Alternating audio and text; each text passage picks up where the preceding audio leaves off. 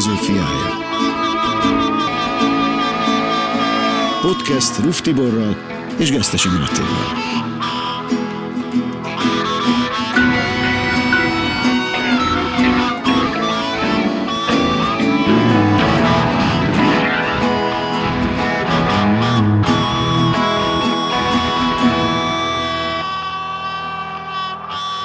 Sok szeretettel köszöntök mindenkit, ez itt a Hit Filozófiája című podcast második évadának, talán ötödik epizódja. Én Gesztesi Máté vagyok, velem szemben Ruf Tibor foglal helyet. Szervusz Tibor! Szervusz, és most is szeretettel köszöntök minden kedves hallgatót is. Az elmúlt adásokban Dávid királyról beszélgettünk, illetve az ő kapcsán különböző nagyon fontos eseményekről és elméletekről, hitéleti ügyekről, és a következő témánk pedig, pedig igazából összekötné valamilyen módon, de nem is mondom, hogy mit kötne össze, hanem majd összekötődik, hogyha össze kell kötődnie. Most először a bujdosás éveiről kérdeznék Dávid király kapcsán. Először egy teljesen, teljesen hiperrealista megközelítést alkalmaznék, hogy ez, ez, ez hogy nézett ki, hogy, hogy ez a bujdosás konkrétan, hogy sátoroztak évekig különböző helyeken, a, hogy, hogy milyenek voltak a körülmények, hogy tudott egyáltalán egy ilyen pici országban mindig elszökni, mert ez egy nagyon kis területen játszódnak ezek a történetek, és, és mit tudom én, a sivatagban ott, vagy barlangokban, vagy ez tényleg hogy, hogy, volt ennek a gyakorlata? Hát ennek sok része volt. Tehát először is például Dávid az első időszakban egyedül volt. Aztán egy második időszakban csatlakoztak hozzá végül egyre többen, viszont abban az időszak, annak az időszaknak az utolsó részét külföldön töltötte, hogy így mondjam, tehát már nem az országban volt. Tehát elég sok ö, része volt ennek, ugye amikor először menekülni kezdett, akkor hát most nem sorrendben mondva, vagy csak részben sorrendben mondva, meg nem is kimerítően, de volt viszonylag az elején, amikor megkísérelt átmenni Filiszteus területre Ákhis királyhoz. De ez de, mikor volt konkrétan? Vagy mert hát nagyjából... ez még eléggé az eleje. Na de hogy volt ez az egész, hogy már most arról beszélünk Bújdosás évei alatt, mert ezt sem említettük talán, hogy Saul király e, e, meg akarja őt ölni, és ő elmenekül az udvartól. Igen. És akkor utána fogja magát, és elmegy külföldre? Nem rögtön, bár ebben egyébként viszonylag hamar, de ugye onnan aztán újra menekülnie kell, mert, mert Ákis királynak, a Filiszteus királynak a, az emberei fölismerik, ha jól emlékszem, talán Gádban, Gádba megy, ami Filiszteus város, és akkor ugye nagyon nagy bajba kerül, mert ott még nagyobb életveszély leselkedik rá, mert felismerik, hogy ő az Izraelnek a korábbi hadvezére. Hiszen ő híres volt, igen. Akkor ugye, akkor van az, hogy imádkozik egyet. Én nagyon fontosnak tartom, hogy a hogy ezeket a történeteket teljes mélységükbe úgy lehet igazán megérteni, hogyha az ember a, ugye a Sámuel első könyvében elolvassa magát az eseményt, de mindig hozzáolvassa azokat a zsoltárokat, amik az adott ö, ö, menekülési időszakban a, az ő imái voltak. És ezt honnan lehet tudni? Hát onnan, hogy például a, az adott Zsoltán, most nem is tudom melyik, 50 50 valahányos talán, az ugye úgy fogalmaz, hogy amikor megragadták őt a filiszteusok gádban. Ez az a szituáció, amikor az Ákis király emberei felismerik, hogy ő Izrael hadvezére, és, és akkor ő mond egy imát, de aztán haladéktalanul még az is lehet, hogy ez az ima csak belül hangzott el, egyébként rendkívül érdekes, és azért is kell így összeolvasni, mert mert fantasztikus mélybetekintést enged Dávid hit, hit életébe, és azon keresztül óriási tanítást ad a Biblia olvasójának, ugyanis az egy a leírás úgy van, hogy ott van egy ilyen mondat, hogy és Dávid pedig igen megrettent, A Zsoltárban viszont kétszer is szerepel az a sor, direkt így láthatólag súlykolva, elismételve, hogy Istenben bízom, nem félek, ember mit árthatna nekem. Tehát nagyon jól látszik, hogy Dávid a, az imájában a hitnek a megvallásával a saját érzelmeivel is szembeszállt, és a saját félelmét, hogy igen, megrettent, igyekezett legyűrni azzal, hogy, hogy megvallotta, hogy Istenben bízom, nem félek ember, mit árthatna nekem. Ez már önmagában is egy komplett tanítást ad. De ez a tanítás még fantasztikusabban folytatódik, hogyha megnézzük, hogy ahogy vége a Zsoltárnak, ahol már előre hálát ad a szabadulásáért, a történet viszont úgy folytatódik, hogy elkezdi a nyálát csorgatni a szakállán, és őrültnek teteti magát, és a kapukon firkálgat és ezért Ákis király arra meggyőződésre jut, hogy Dávid megőrült, nem kell tőle tartani, viszont neki nincs szüksége őrültekre, és ezért elengedik, illetve kidobják a városból. Ami, ami pedig arra tanít, hogy Dávid nem csak, ezt már múltkor is talán említettem, hogy nem csak uh, imádkozott, hanem mindig haladéktalanul, nagyon gyorsan, nagyon gyorsan reagálva a helyzetekre, nagyon okosan, egyáltalán nem vallásos módon, hanem rendkívül eszesen. Itt ugye például az, hogy bolondnak tetette magát, az most szigorúan véve etikai értelemben hazugságnak és képmutatásnak lenne minősíthető, de mivel életvédelemről van szó, ezért Dávidnak pillanatig sem ingadozott a lelkiismerete abban, hogy most neki ezt kell tennie, ehhez nagyon sok ész is kellett, tehát ez egy nagyon jó ötlet is volt, és rendkívül gyorsan kellett ezt a reakciót mutatnia, még mielőtt, ö, ö, hogy mondjam, normálisként letartóztatják, és ö, tehát ö, tehát egyszerűen már, már csak ebből a történetből látszik az, hogy hogyan, hogy ő hogyan viselkedett egy ilyen megpróbáltatásban most ha összefoglalom, akkor először is elmondott egy olyan imát, amiben a saját érzéseit legyőzte, leküzdötte, azoknak ellene mondott, és az Isten bevetett hitét megvallotta, de utána nem passzívan várt Isten szabadítására,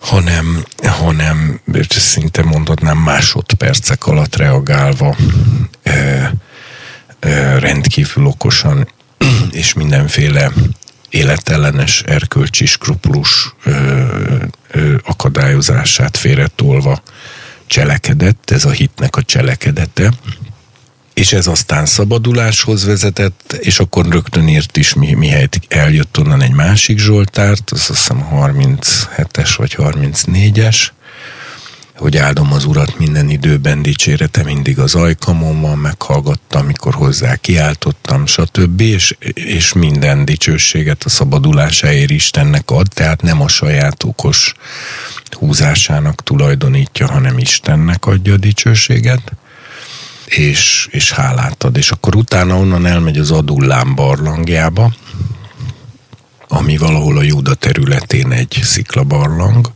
az jelent valamit, hogy nyilván, hogy adullán, az mit jelent? Azt most én nem tudom neked megmondani. Biztos jelent, de hát alapvetően ez volt a barlang neve. Uh-huh.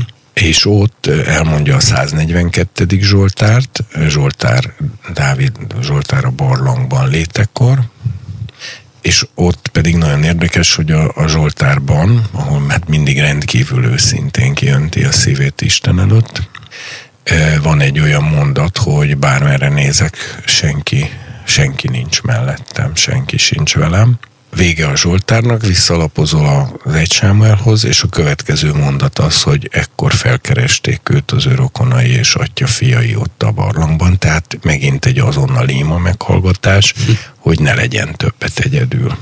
Igen, és bocsánat. akkor innentől kezdve kezdenek hozzá csatlakozni emberek, a, a fokozatosan mm. növekvő számba. A Biblia azt is írja, hogy végül már mindenki, aki elégedetlen volt, vagy akinek hitelezője volt, Igen, azok mind hozzá, hozzá csatlakoznak az illegalitásban. és, és akkor így szaporodik föl tulajdonképpen az ő ilyen kis partizán csapata, akik folyamatos rejtőzködésben és menekülésben vannak, és aztán végül elég sokan lesznek már, akkor meg viszont a vége felé teljesen elhagyja az országot, és filiszteus területre megy. Gázai, a gázai röplapokat nyomva az ember a jéghátán is megél.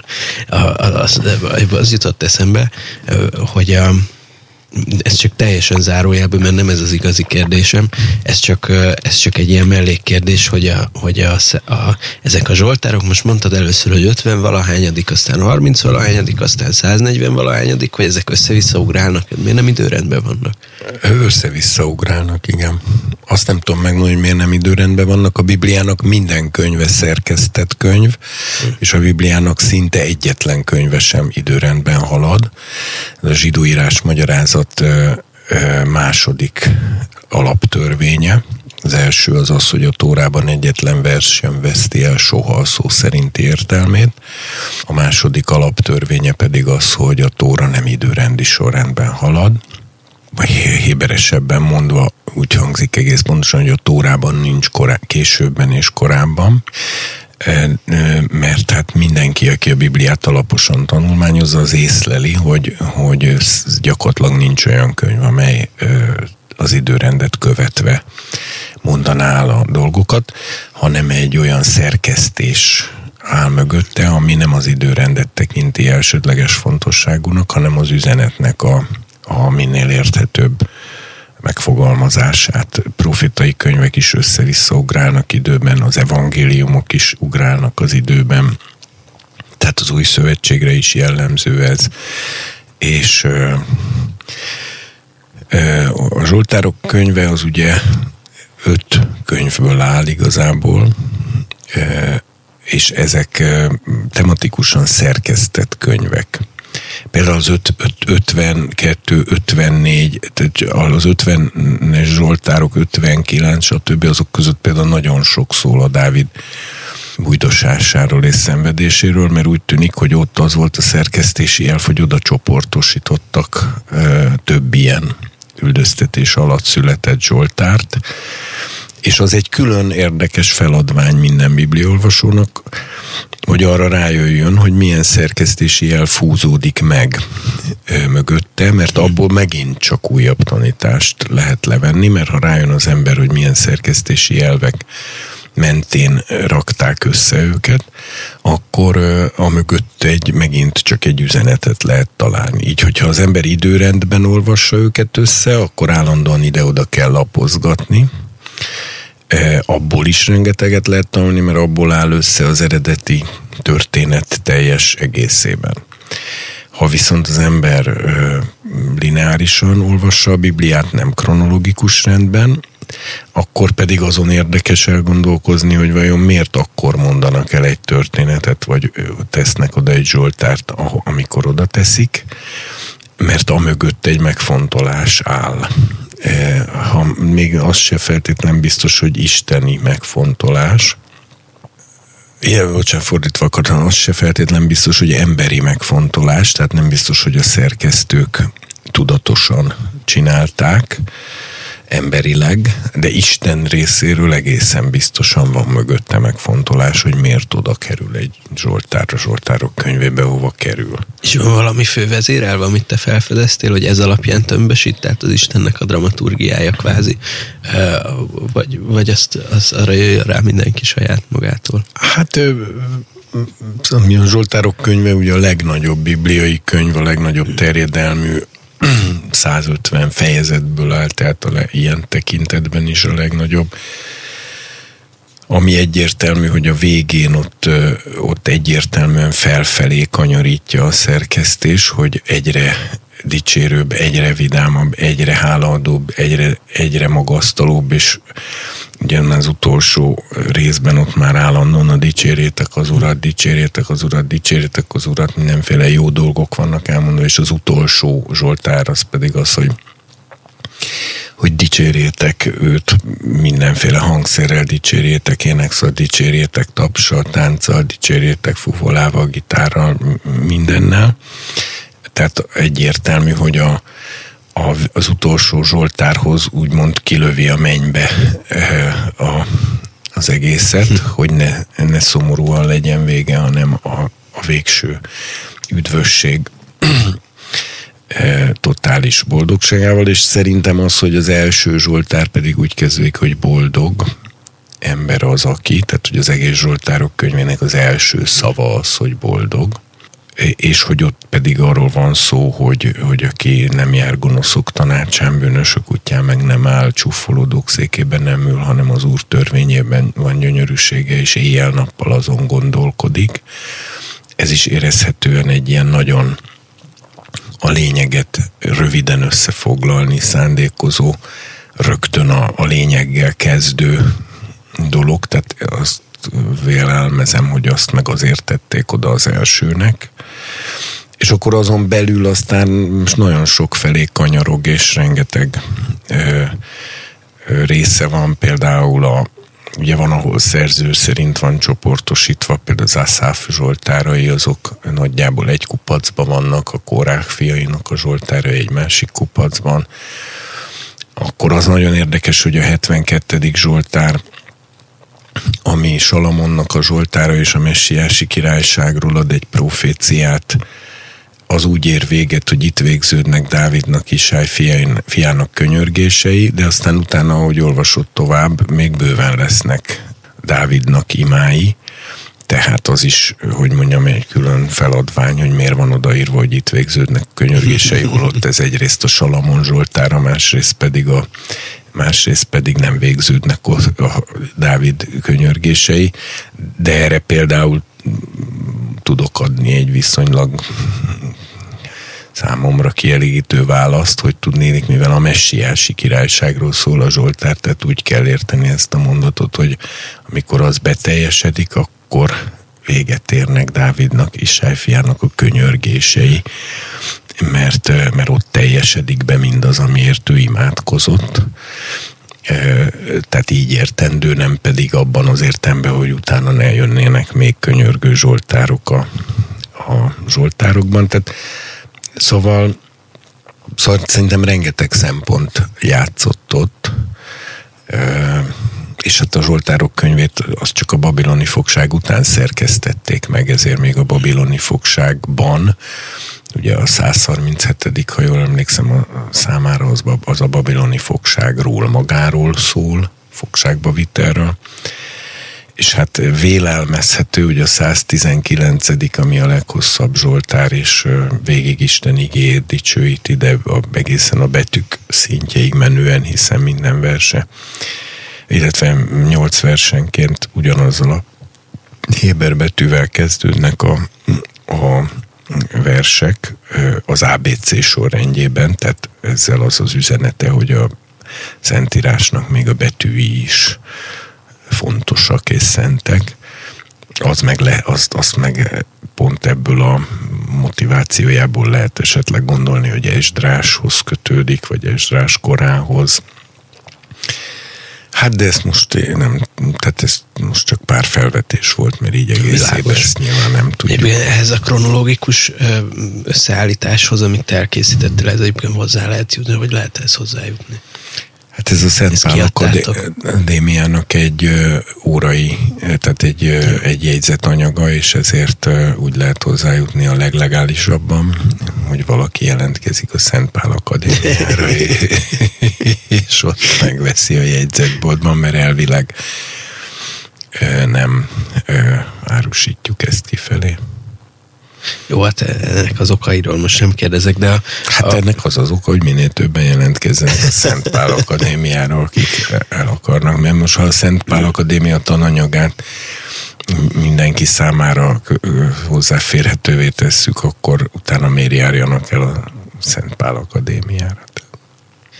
Mondom, ennek az okairól most nem kérdezek, de az igazi kérdésem az az lett volna, hogy akkor a, a Dávid ezekben az időkben, főleg amikor egyedül volt, akkor ezt egy, egy teljesen egy nomád vadászó, sátorozó, egy ilyen vándorló életmódnak kell elképzelni, tehát mint ahogy a... Hát én esetenként még a sátorba se vagyok biztos, lásd a barlangot, meg ilyesmi, tehát hát ennek azért mondom, hogy ez egy több éves történet volt több szakasszal, külföldön, otthon, különböző területeken, különböző emberek társaságában, vagy tök egyedül, és én azt gondolom, hogy ennek voltak olyan szakaszai, amikben gyakorlatilag a tulajdonképpen a hajléktalanság állapota volt inkább a jellemző, tehát Dávid egy tarisznyával, a fegyvereivel mászkált a hegyek között, és próbált elbújni,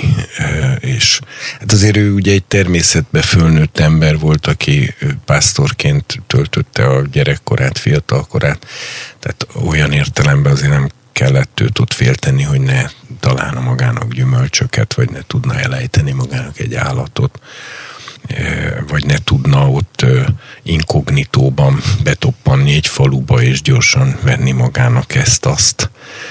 Meg azért, meg azért ugye, mint kiderült, tehát voltak rokonai ilyesmik, akik azért hébe-hóba támogatták, nyilván voltak barátai, ismerősei, a, ugye főleg a Júda hegyvidékébe bújdosott legtöbbet, és ott azért ő teljesen ismerős volt, mivel hogy Betlehemben nőtt föl, ott pásztorkodott, ő ott minden követ ismert szerintem.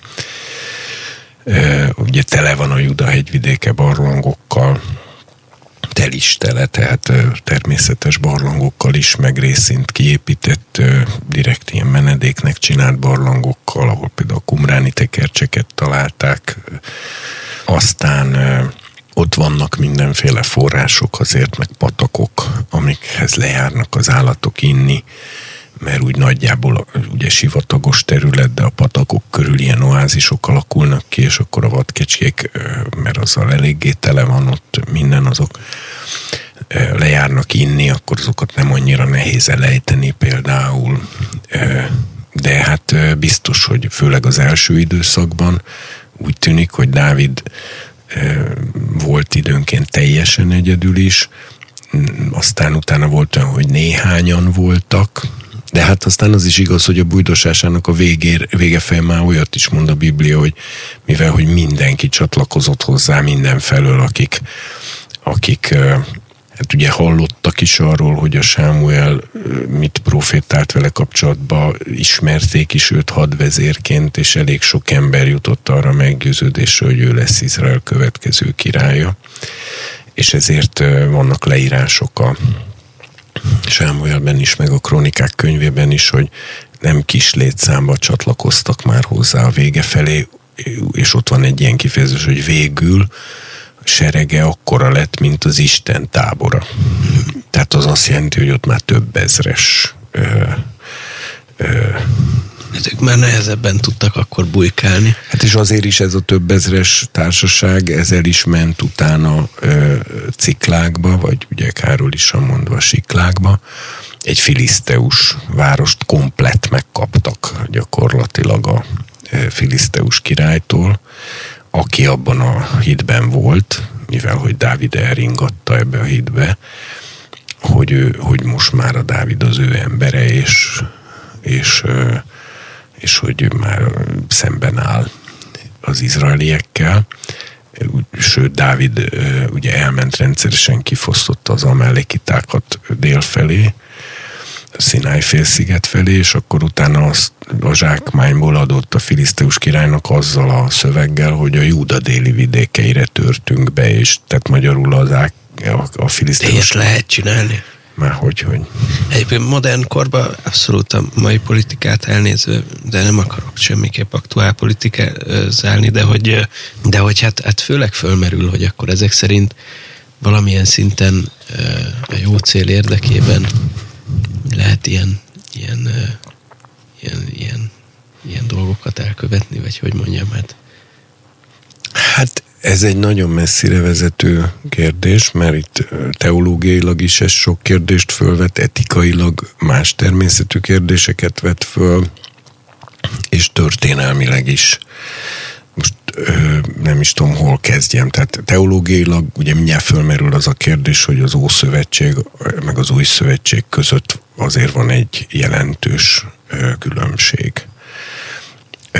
Én nem feltétlen gondolom, hogy egy Jézus tanítványnak mindent ugyanígy, hát úgymond szabad, mint mondjuk Dávidnak. De ez új, újra nehéz kérdés, mert hát először is egy Jézus tanítványnak tulajdonképpen mindent szabad, mert nincs törvény alatt. Csak azt mondja Pál, hogy viszont nem minden használ. Most az biztos, hogy Jézus soha nem hazudott.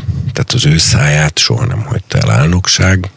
Nem véletlen, hogy legkésőbb 40 éves kora körül megölték, mert hogyha valaki mindig mindenkinek szintén megmondja a véleményét, az, az nem fogja megérni az öregkort semmilyen történelmi korszakban. Ez nem, nem a túlélésnek az áloga de például a 144 ezerről, akik az utolsó időkben Izrael szent maradékának az élcsapata lesznek, róluk szintén írja a Biblia, hogy nem találtatott álnokság a szájukban, tehát tehát ők, ők még életvédelem esetén sem hazudnak. Egyébként ők nagyon hasonlít az ő leírásuk a kumrániakra és az eszénusokra, akikről szintén följegyzik a korabeli források, hogy esküdtettek arra, hogy semmilyen körülmények között nem hagyja el a szájukat hazugság. Na most ugye ez egy érdekes dolog, hogy miért nem, hiszen a lelkiismeret és az emberi, hogy mondjam, belső bizonyosság alapján hazudni nem minden esetben bűn, mert amikor életet mentek, akár a magamét, akár másét hazugsággal, akkor az nem minősül bűnnek. És ezért egy érdekes, tehát ez egy, egy, egyrészt ez az, ami a Dávidot ö, igazolja, másrészt felveti azt a kérdést, hogy akkor Jézus miért nem folyamodott ehhez, a 144 ezer miért nem fog ez folyamodni, és az eszénusok miért nem folyamodtak ehhez. E, ennek nem etikai oka van elsősorban, hanem az, hogy ők a szájukat akarták teljesen tisztán tartani. Tehát itt nem is arról van szó, hogy életvédelem esetén bűn lenne, hogy hazudik az ember, hanem inkább az a kérdés, hogyha az ember életvédelem esetén, de azért mégiscsak sokat hazudik, akkor a száját hogy tudja teljes tisztaságba megőrizni a, az Isten igéje számára. Most Jézusnál, akinél ugye követelmény volt mint megváltó számára, hogy tökéletesen tisztán tartsa magát, és semmilyen bűn ne kövessen el, mert akkor nem tudta volna váltságul adni önmagát a mi bűneinkért. Ezért látható, hogy ő, ő még életvédelem esetén sem hazudott, és, és úgy tűnik, hogy a 144 ezer, mint ilyen modernkori eszénusok, vagy az akkori eszénusok, azok egy ilyen fajta spirituális, tehát a nyelvüknek és a szellemüknek egy ilyen abszolút spirituális tisztaságának a megőrzése érdekében egyszerűen eltökélték magukat arra, hogy akármikor, akármilyen következménye lesz, még ha belehalnak is, vagy, vagy ilyesmi, az ő szájukat hazugság nem hagyhatja el. Ez messze az átlagos emberi etika fölött áll, mert az átlagos emberi etikai gondolkodás az megengedi azt, hogy az ember hazudjon akkor, amikor azzal életet menthet. És látható, hogy a Dávid az, az e tekintetben nem volt ö, ilyen hiper ö, purista, ö, hiper tisztasságra törekvő, hanem ő ő a, ő, ő a, a, a szokásos, de, de azért pozitív emberi erkölcsnek egy amúgy magas szintjét valósította meg, de, ne, de ő nyilván tudta azt, hogy neki az a küldetése, hogy ő éljen és királyként uralkodjon. Kétség kívül Dávidnak az életét, ha valaki nagyon részletesen és alaposan az egészet végignézi, akkor abban rendkívül sok fortélyos, ravasz megoldás volt. Itt kanyarodunk vissza a dolognak a történeti, tehát magukhoz a tényekhez, hogy a Dávid azért nagyon érdekes személyiség, mert miközben ő egy Istent royongva szerető, imádó, szó szerint az Istennel szinte szerelmi viszonyban lévő, hiszen a neve is a Dávid, ahogy már múltkor beszéltünk róla, az a Dod, vagyis a szerelmes szóból származik. Tehát, tehát egy ilyen viszonyban volt Istennel, és az emberek iránt is rendkívül jó indulatú volt és alázatos, de ugyanakkor vészhelyzetben, illetve politikusként egy rendkívül hidegfejű, rendkívül realista és rendkívül ravasz és a bizarr megoldásoktól sem visszariadó politikus volt. Úgyhogy még a bújdosásai alatt, tehát egyértelműen el lehet mondani, hogy a cselvetés, ami ugye a háborúban amúgy is elkerülhetett, tehát ez egy hadvezér is volt, valamint az életvédelem érdekében történő ilyen, hogy mondjam, tehát akár hazugság, akár az az eset, hogy megette a szent kenyereket, amiket a Tóra kifejezetten csak a papoknak engedett meg megenni. Sőt, ahogy Jézus kiemeli, hogy nem csak ő evett belőle, de az embereinek is adott, ami aztán végképp még ö, durvább ilyen értelemben. De ez mutatja, hogy Dávid teljesen élet központú ember volt, és a, mindig tisztában volt azzal, hogy nem az élet van a törvényért, hanem a törvény van az életért. És ezért a törvénynek az az alkalmazása, ami életszerűtlen, életellenes, és az életet csonkító, az nem jó alkalmazása a törvénynek, és bár ő rajongva szerette a törvényt is, hiszen az első Zsoltárban pont arról ír, hogy az boldog ember, aki nek az úr törvényében van gyönyörűsége, amit mai magyar nyelven úgy lehetne jobban mondani, hogy élvezi az úr törvényét, és ez nagyon fontos, tehát hogy érzelmileg is. Tehát, hogy egyszerűen élvezi a törvényt, és élvezi azon gondolkodni, és élvezi azt olvasni, és élvezi azt, hogy az van, és, és nem, nem egy teher számára és éjjel-nappal azon gondolkodik, mert hiszen a törvény 613 parancsolatból álló rendszerében eligazodni az élet rendkívüli sokféleségében az egy folyamatos törvényértelmezést és etikai gondolkodást igényel.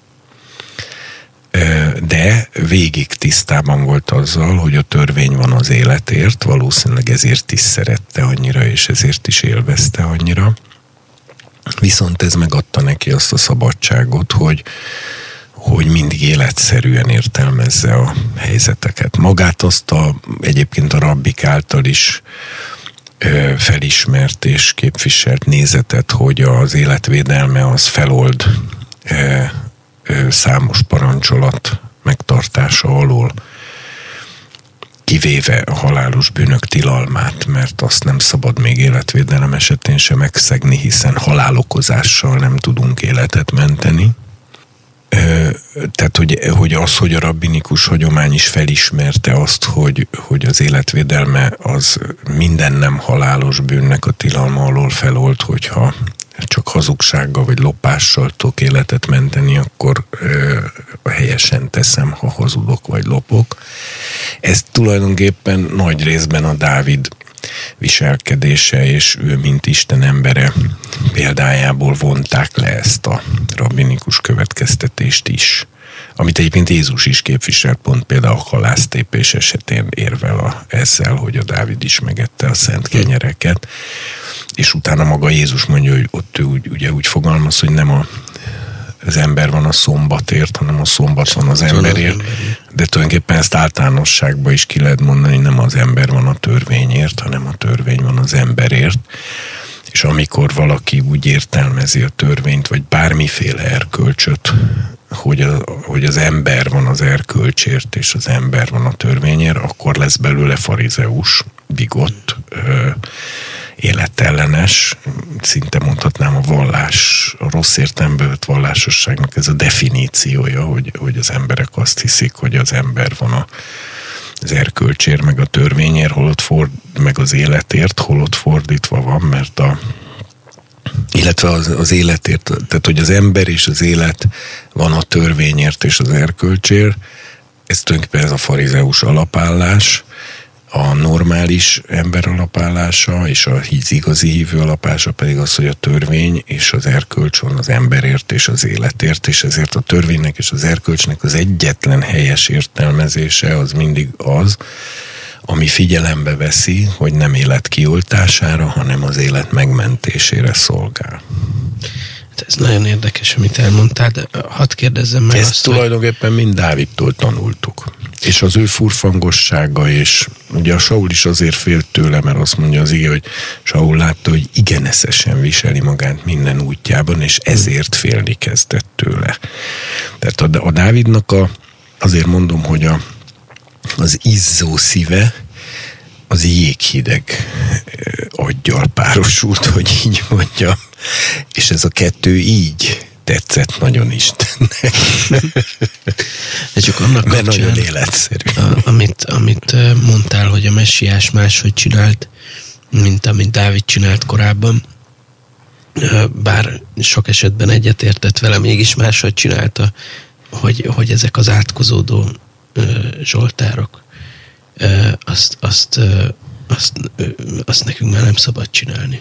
Mert hogy Jézus azt mondta, hogy, ezt, hogy hát szóval ez mitől van, hogy ők miért csinálhatták. Nem, én nem akarok senkit sem megátkozni, meg néha érzi az ember, hogy na most olyat tudnék mondani valakire, hogy nem tudom micsoda, de nyilván aztán erre is tanít, hogy a szívedbe se öld meg, de, de mégis ezt, ne, ezt mi miért nem csinálhatjuk, és ők miért csinálhatják? Hát most mindenek előtt picit ellenet kell, hogy mondjak. Tehát én nem gondolom, hogy soha semmilyen körülmények között ezek a zsoltárok már nem használhatók, alkalmazhatók a keresztény életben, és ez nem mond ellene a hegyi beszédben e, írott azon mondatnak, hogy ne, e, hogy áldjátok, akik titeket átkoznak, de megint az a helyzet, hogy mint, mint általában az élet etikailag bonyolult szituációkat produkál szinte szüntelenül, és csak akkor tud az ember megmaradni a, az igaz úton, a keskeny úton, hogyha tényleg éjjel-nappal gondolkodik azon, hogy mi az igazi életszerű és igazi megoldása ezeknek a bonyolult helyzeteknek, ez, ez pedig soha nem megy úgy, hogy ráhúzok egy-két bibliai mondatot a szituációra, és akkor ott azzal meg is oldottam. Tehát honnan is kezdjük? Tehát talán kezdeném onnan, hogy a Héber nyelvben a, az igaragozásnak egy sajátossága, hogy a, az ilyen óhajtó vagy buzdító módot, mondhatnám felszólító módot, azt ki tudja fejezni felszólító móddal is, de ki tudja fejezni kijelentő módú folyamatos ige alakkal is. Most, hogy ez érthetőbb legyen, gyakorlatilag szinte mindenhol, ahol a Bibliában olyasmi van, hogy legyen átkozott, vagy legyen ilyen, vagy legyen olyan, vagy akár csak az, hogy legyen világosság, vagy hogy hajtson a föld zsengefüvet, makozófüvet és gyümölcsfákat. Ezeken a helyeken vagy ö, felszólító módú ige alakál, e, de az egyébként csak egyes és többes szám második szemében létezik, tehát, tehát hogy te, vagy ti, tedd, vagy tegyétek ezt, egyes szám első szemében, illetve egyes, tehát első szemében, vagy harmadik szemében, nincs felszólító mód, hanem csak ilyen óhajtó vagy buzdító mód, de az meg egybeesik a folyamatos kijelentő móddal. Tehát, most megint tudom, hogy ezzel nem tettem érthetővé mindenki számára a dolgot. Sokan most megpróbálom, most megpróbálom gyorsan, mielőtt még a többiek is leállítják érthetővé tenni. Hoppá. És erre lekapcsolod a pillanat, hogy... Tehát tehát ez azt jelenti, hogy ahol azt olvassuk a Károli Bibliában, hogy legyen, vagy ilyen felszújtó módú ige alakot, Igen. ott a, az eredetiben az van, hogy lesz vagy van, vagy tehát például legyen világosság, azt is lehet fordítani a Héberben, sőt az az alapjelentése, hogy világosság lesz és világosság lett. Tehát a, például a teremtésnél az összes mondatot lehet úgy értelmezni, hogy az nem egy felszól, nem egy parancs, hanem egy kijelentés. És Isten megszólalt. Lesz fény. És lett fény. A föld hajtani fog ö, ö, mindenféle növényeket, és a föld hajtott mindenféle növényeket. Sőt, ha még azt is hozzáteszem, hogy a Héberben nincs jövő, múlt és jelen idő, akkor igazából úgy kellene fordítani, hogy és Isten megszólalt. Van fény, és létrejött a fény. Isten megszólalt. Hajt a föld ö, mindenféle növényeket. És a föld hajtott mindenféle növényeket. Tehát, hogy ő kijelentő módba közli, hogy mi van, és akkor az utána az van. az van.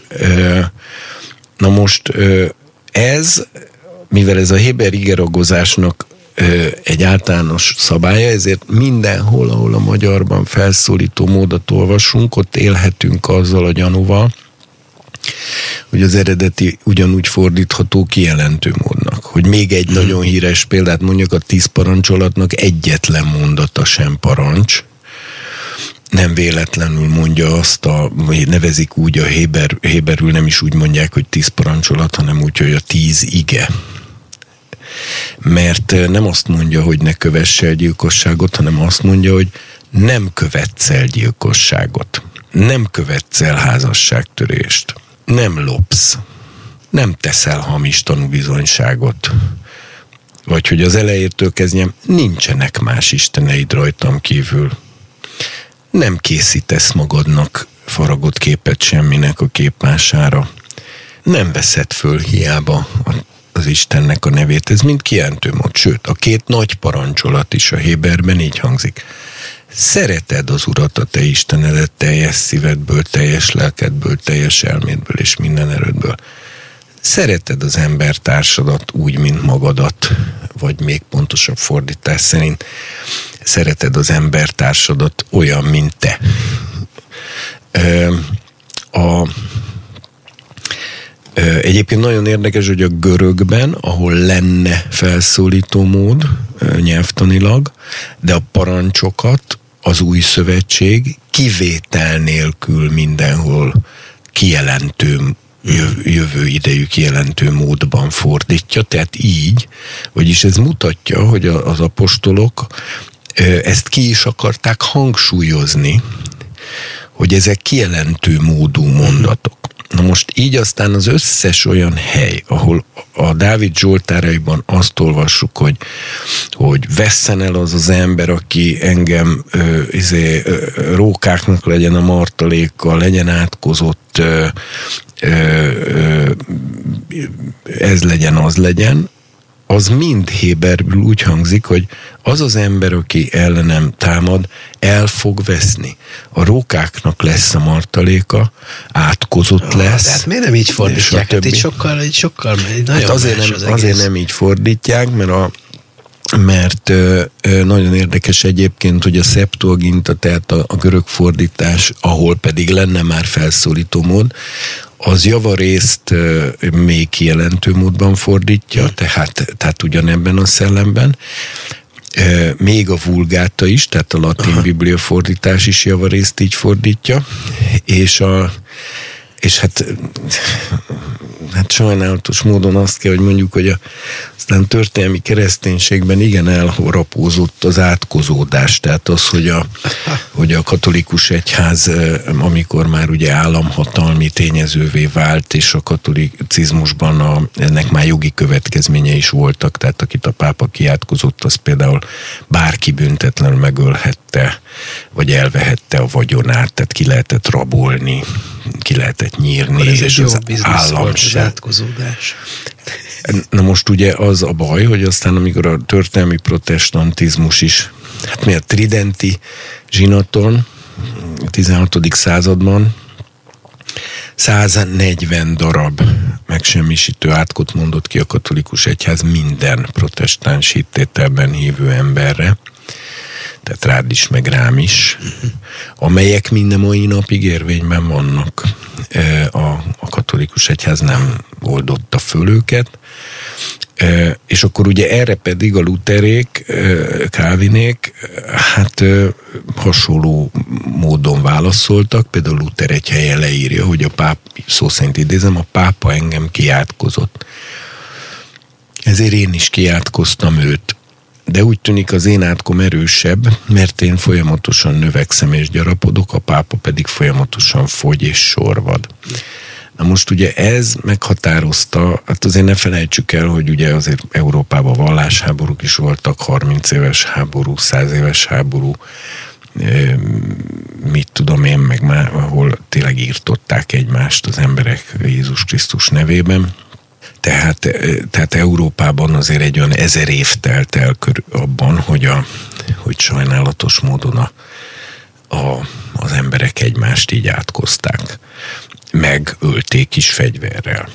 Na most eh, ez hát eltorzította a bibliafordítási hagyományokat. Én ezt ugye végigkövettem, cikket is írtam róla az új Exodusba, hogy, hogy a, ugye amikor a Noé megátkozza a Kánaánt, a saját unokáját, akkor valójában nem megátkozza, hanem ő csak megállapítja, mert az eredetiben kijelentő módban van, hogy a Kámnak, a fiának, a Noé fiának, a Kánán apjának a tette miatt, ami egy nagyon csúnya dolog volt valóban, a, a Kám egyik gyereke átok alá került mert a világban szellemi törvényszerűségek működnek, akár tetszik, akár nem, és, és bizonyos cselekedeteknek átok a következménye, nem azért, mert ez bárki akarná, hanem azért, mert mert az univerzumban van egy rendezettség, egyfajta ilyen igazságosság érvényesül,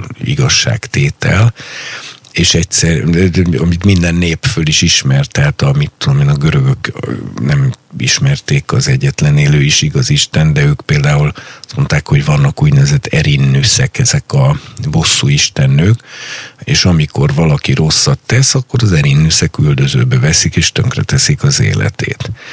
A keltávol keleten a karma, karma fogalmában fogalmazódott meg az a szintén egyetemes emberi tapasztalat, hogyha valaki rossz dolgokat tesz, akkor előbb-utóbb ő is rosszul fog járni a taoizmusban a tao ban a kínaiak fogalmazták meg ugyanezt. Ez Magyarországon is a tao az egy... Igen, meg a csok. Egy jó dolog. tehát a, a, csak azt akarom mondani, hogy ezek ilyen módon nem, tehát ugyanezek a vallások, hamis vallások, de, a, de vannak olyan egyetemes emberi tapasztalatok, ami az egész emberiségnek alaptapasztalata, és ezért minden vallásban és erkölcsi rendszerben megjelent, és ennek az a lényege, hogy a, hogy a rossz az visszazuhan az emberre, ez a viszonosság törvénye, mint ahogy a jó is visszajön az emberhez, és ez a természet fölötti ö, igazságszolgáltatás, ami az, egyszerűen az egész univerzum rendjehez hozzátartozik, és amit angyalok érvényesítenek a bibliai világnézet szerint, ezt nem közvetlenül Isten érvényesíti, hanem angyalok érvényesítik, tehát mint a féle rendőrei a szellemi és fizikai univerzumnak, ezért bizonyos rossz dolgoknak generációkra ható rossz következményei lesznek, és ezt nevezzük átoknak. Most a Noé, amikor ugye fölébred, és megtudja, hogy mit tett vele Kám, akkor kijelenti, hogy Kánaán átkozott lett, tehát a Kámnak a fia, aki amúgy semmi rosszat nem csinált, annak a sorsa tönk, tönkre megy amiatt, amit az apja tett, hát de itt ilyet máshol is látunk, hát szülők, mit olyan alkoholista szülők konyhakéssel kergetik egymást az asztal körül, meg elválnak, és a gyerekük, aki semmi rosszat nem tett, csak ezt végignézte két vagy három vagy négy évesen, annak az egész élete tönkre megy, és, és az egész élete egy szenvedésben telik el. Amiatt, hogy a szülei ezt megcsinálták, nem tehet róla, de hát egyszerűen a tetteknek következményük van, és nagyon sokszor az ártatlan embereken is tud csattanni ez a következmény. És akkor azt mondod, hogy a Dávid lehet nem is nem is rosszat mondott ezzel, hanem lehet, hogy közben sajnálta azokat, akik, mint Jézus azt mondta, hogy bocsáss meg nekik, hát nem tudják mit csinálni. Én nem gondolom, hogy a Dávid már a Krisztusnak a, az erkölcsi magaslatán lett volna, mert ha ott lett volna, akkor ő lett volna a megváltó.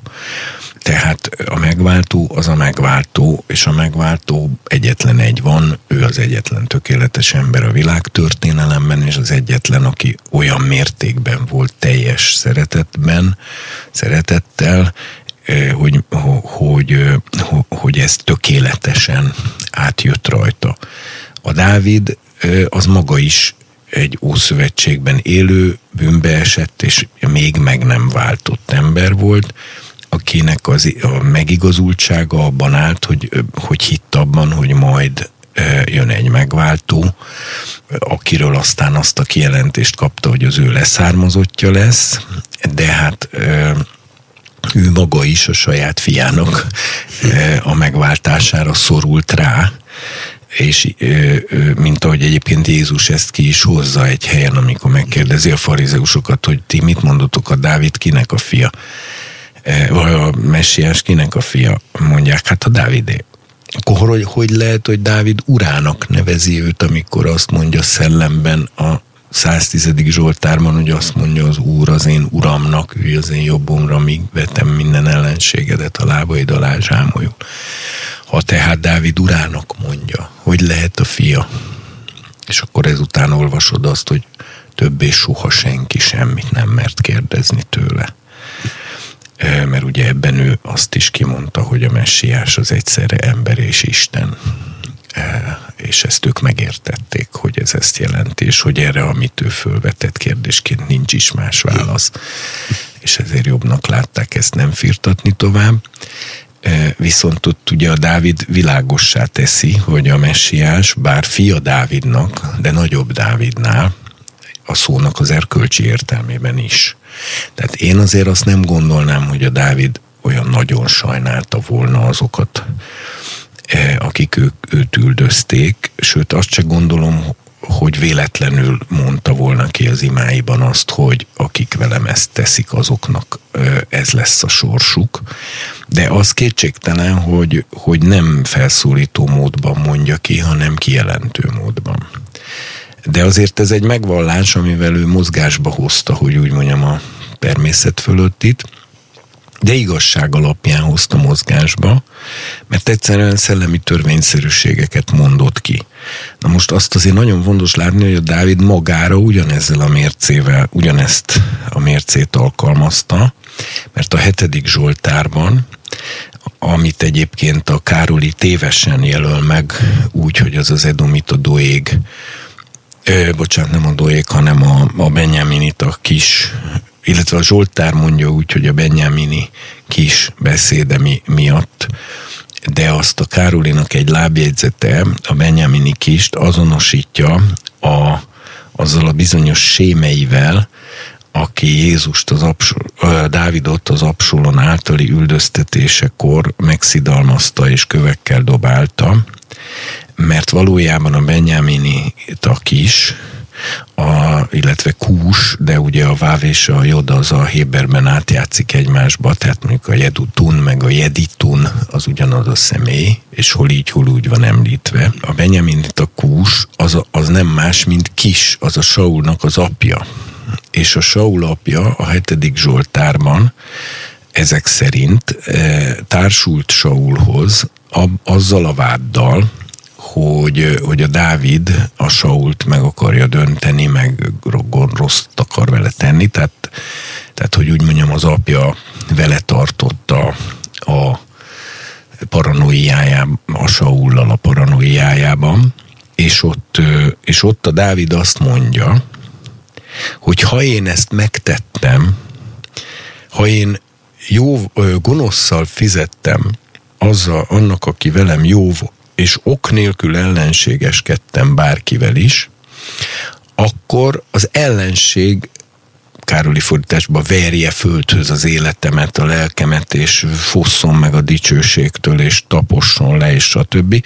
Most nyilván a Héberben ez is úgy van, hogy ha én ezt megtettem, ellenség fogja földhöz verni az életemet, és letaposni, és megfosztani a dicsőségtől.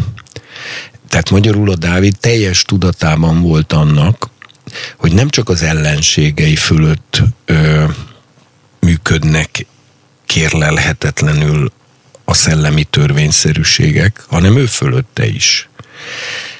Mivel a Saul is az úr felkentje volt, felkent király volt, meg Dávid is, és a felkent az, aki, aki ilyen védelem alatt áll, ezért, ezért a Dávid ezt már az bújdasása alatt is tudta, hogy ő, ha a Saul ellen támad, már akkor is, amikor a Saul őt még üldözte, akkor ő a saját fejére átkot fog húzni, és ezért van az, hogy amikor a barlangba például Saul bemegy szükségét végezni, és a Dávidék ott bujdosnak a barlang belsejébe, és az emberei szólnak neki, hogy na most megölheted a, a, az ellenségedet, és akkor azt olvasod, hogy Dávid nagy kemény szavakkal fette meg az embereit, hogy, hogy Isten őrizzen ettől, hát kicsoda emelhetné föl a kezét az úr fölkentje ellen büntetlenül.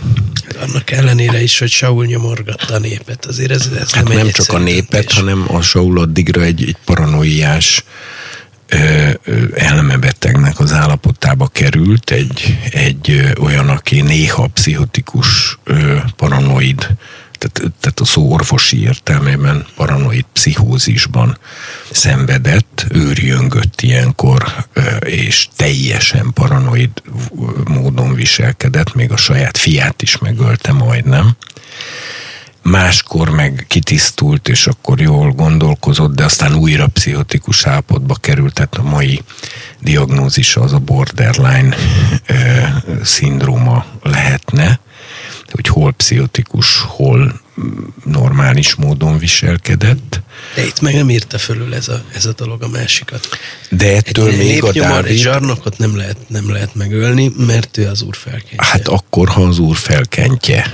Ha nem az úr felkentje, akkor nem, de mivel a Saul úgy indult a pályáján, hogy a Szent Szellem kenete alatt indult el a pályáján, és az Isten elhívásai és ajándékai visszavonhatatlanok, mondja Pálapostól, Róma 11-ben, egy felkentnél, lásd például Sámsont, aki ö, mindenféle erkölcsi bűnbe került, ö, ennek nagyon meg is itta a levét, megvakult, fogságba került, rabszolgamunkát végeztettek vele, de amikor segítségül hívta újra az urat, visszajött a kenete, és megint ugyanazzal az erővel volt képes harcolni.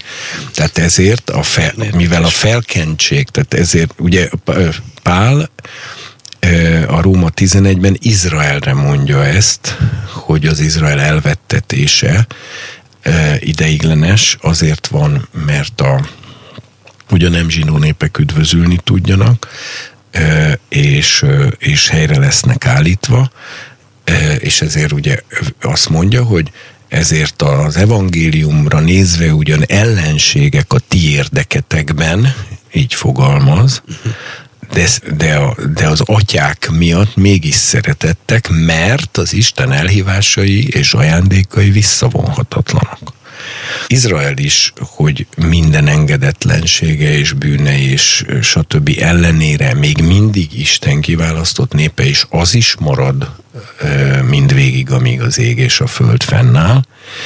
Ez azért van, mert az Istentől kapott elhívás és ajándék az visszavonhatatlan.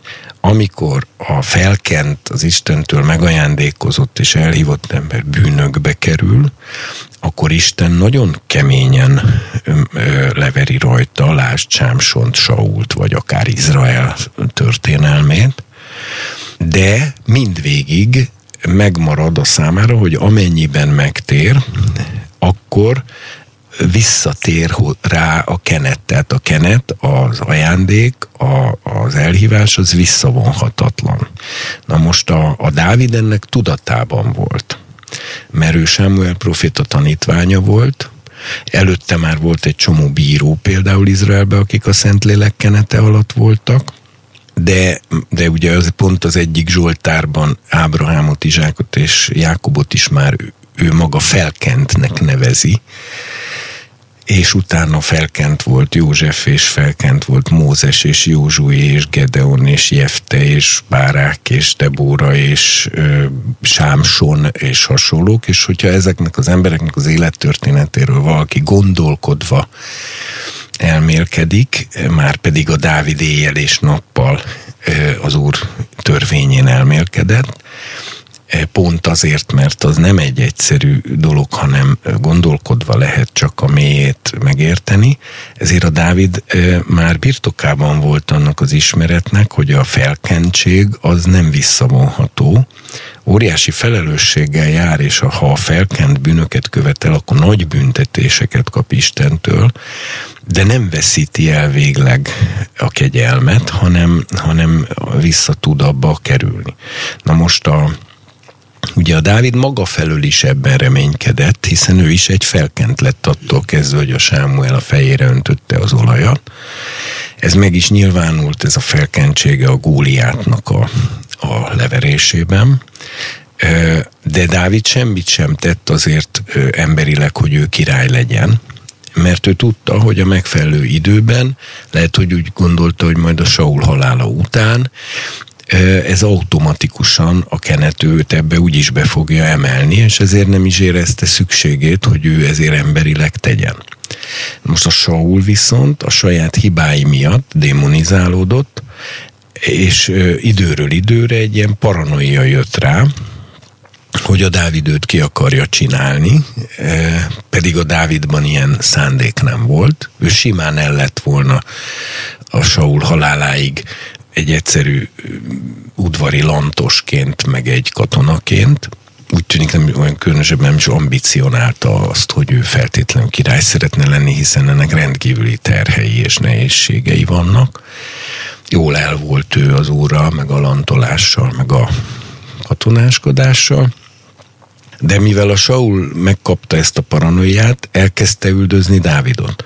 Dávid viszont tudatában volt annak, hogy, hogy a Saul felkent, ezért még ha ő maga is felkent, és két felkent van, és az egyik felkent üldözi a másik felkentet, mert ez volt a szituáció, neki nem szabad a felkentel szemben semmilyen emberi büntetést, igazságszolgáltatást, vagy ilyen, ilyen akciót lebonyolítania, hanem Isten, mert a felkenteknek az a sajátosság, hogy, egyed, tehát, hogy Isten az elszámoltatójuk, nem az emberek.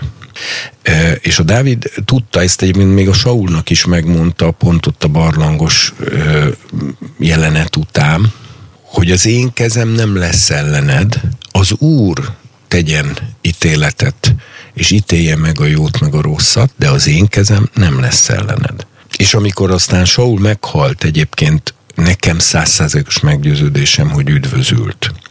Tényleg ezt gondolod? Száz százalék. Ez nagyon érdekes. Több ige is mutat erre. Az egyik ige az, hogy a Sámson amikor felidézteti halott idézővel Saul nem Sámson, Sámuel profétát. Mm.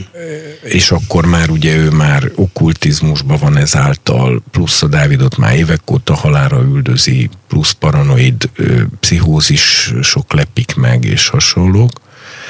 És ennek ennére a Sámuel azt mondja neki, hogy holnap ilyenkor fiaiddal együtt velem leszel.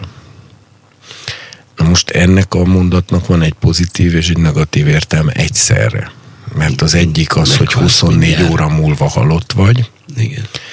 A másik viszont az, hogy velem leszel, tehát ott, ahol én vagyok, ami pedig a Seolnak az a része, amit úgy hívnak, hogy Ábrahám kebele.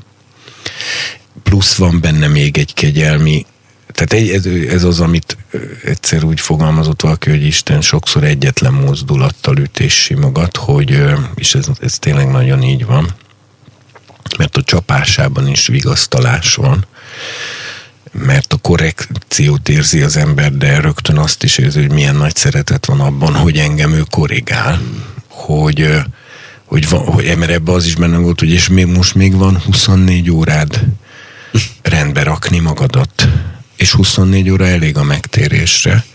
és Saul rögtön el is kezdett bőjtölni, és csak a környezete tudta rávenni arra, hogy a, a harc miatt, tehát a katonai, tehát azért, hogy tudjon harcolni, hogy azért egyen, és ez is nyilvánvalóan az ő esetében már a, a királyi kötelesség tudat volt, hogy, hogy jó, akkor eszem, mert nekem most erősnek kell lennem a harcban, annak ellenére, hogy tudom azt, hogy holnap meghalok, de egészen biztos, hogy ebben a 24 órában Saul, aki ráadásul ebben egy vigasztalást is kapott, mert azzal, hogy azt mondta neki Sámuel, hogy velem leszel, az az üzenet is benne volt, hogy üdvözölni fogsz, ami egy ilyen állapotban levő ember nem is biztos, hogy meg tud térni, mert már nem biztos, hogy lett volna saját hite arra, hogy ő még a kárhozatot el tudja kerülni azok után, amit tett.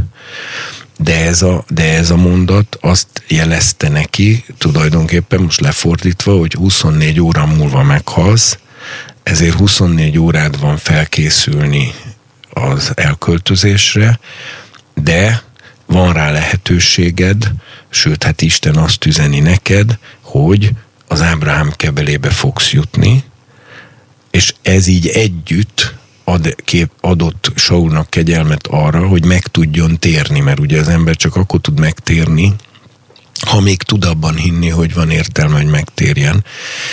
Tehát aki abban hisz, hogy ő már biztos, hogy elkárhozik, annak már nincs lelki ereje megtérni, mert nincs miért megtérni. Tehát nem érzi úgy, hogy van még értelme megtérni, mert ő úgyis elkárhozik. Ezért nagyon fontos egyébként az, hogy amikor egy bármilyen bűnben levő embert arra bátorítunk, hogy térjen meg, akkor nagyon fontos világossá tenni azt, hogy, hogy van reménye az üdvözülésre, és éppen ennek érdekében kell megtérnie. Ez az, ez az egyik, ami miatt biztos, hogy a Saul üdvözült, a másik... Kapcsán, az az érdekes benne, hogy hogyan lehet az, hogy egy halott idézésnek az az eredménye, hogy Isten megszólal. Ez nagyon érdekes, de mindegy, most nem akarom ebben nagyon részletesen, mert kevés időnk van, és fontos, amit még mondani akartál. Annyit akarom mondani, hogy utána Dávid írt egy gyászdalt Saulról, amely gyászdalnak a szövegéből szintén kiderül, hogy a Saul biztos, hogy üdvözült, mert elkárhozott emberről ilyen gyászdalt az Isten embere biztos, hogy nem ír, hiszen ez egy dicsőítőjének Saulról. Tehát most az egészből azt akarom mondani, hogy a Saulnál is beteljesedett, hogy az Isten elhívásai és ajándékai visszavonhatatlanok. Ugyanúgy, mint a Sámsonnál, mindketten a haláluk előtti órákban tértek csak meg, hogy így mondjam, a, a, és előtte kegyetlenül megkapták a büntetésüket azért, amiért felkent létükre mentek be bűnökbe, de az elhívás és az ajándék visszavonhatatlan volt, és a legvégén a megtérésük által megmentette őket.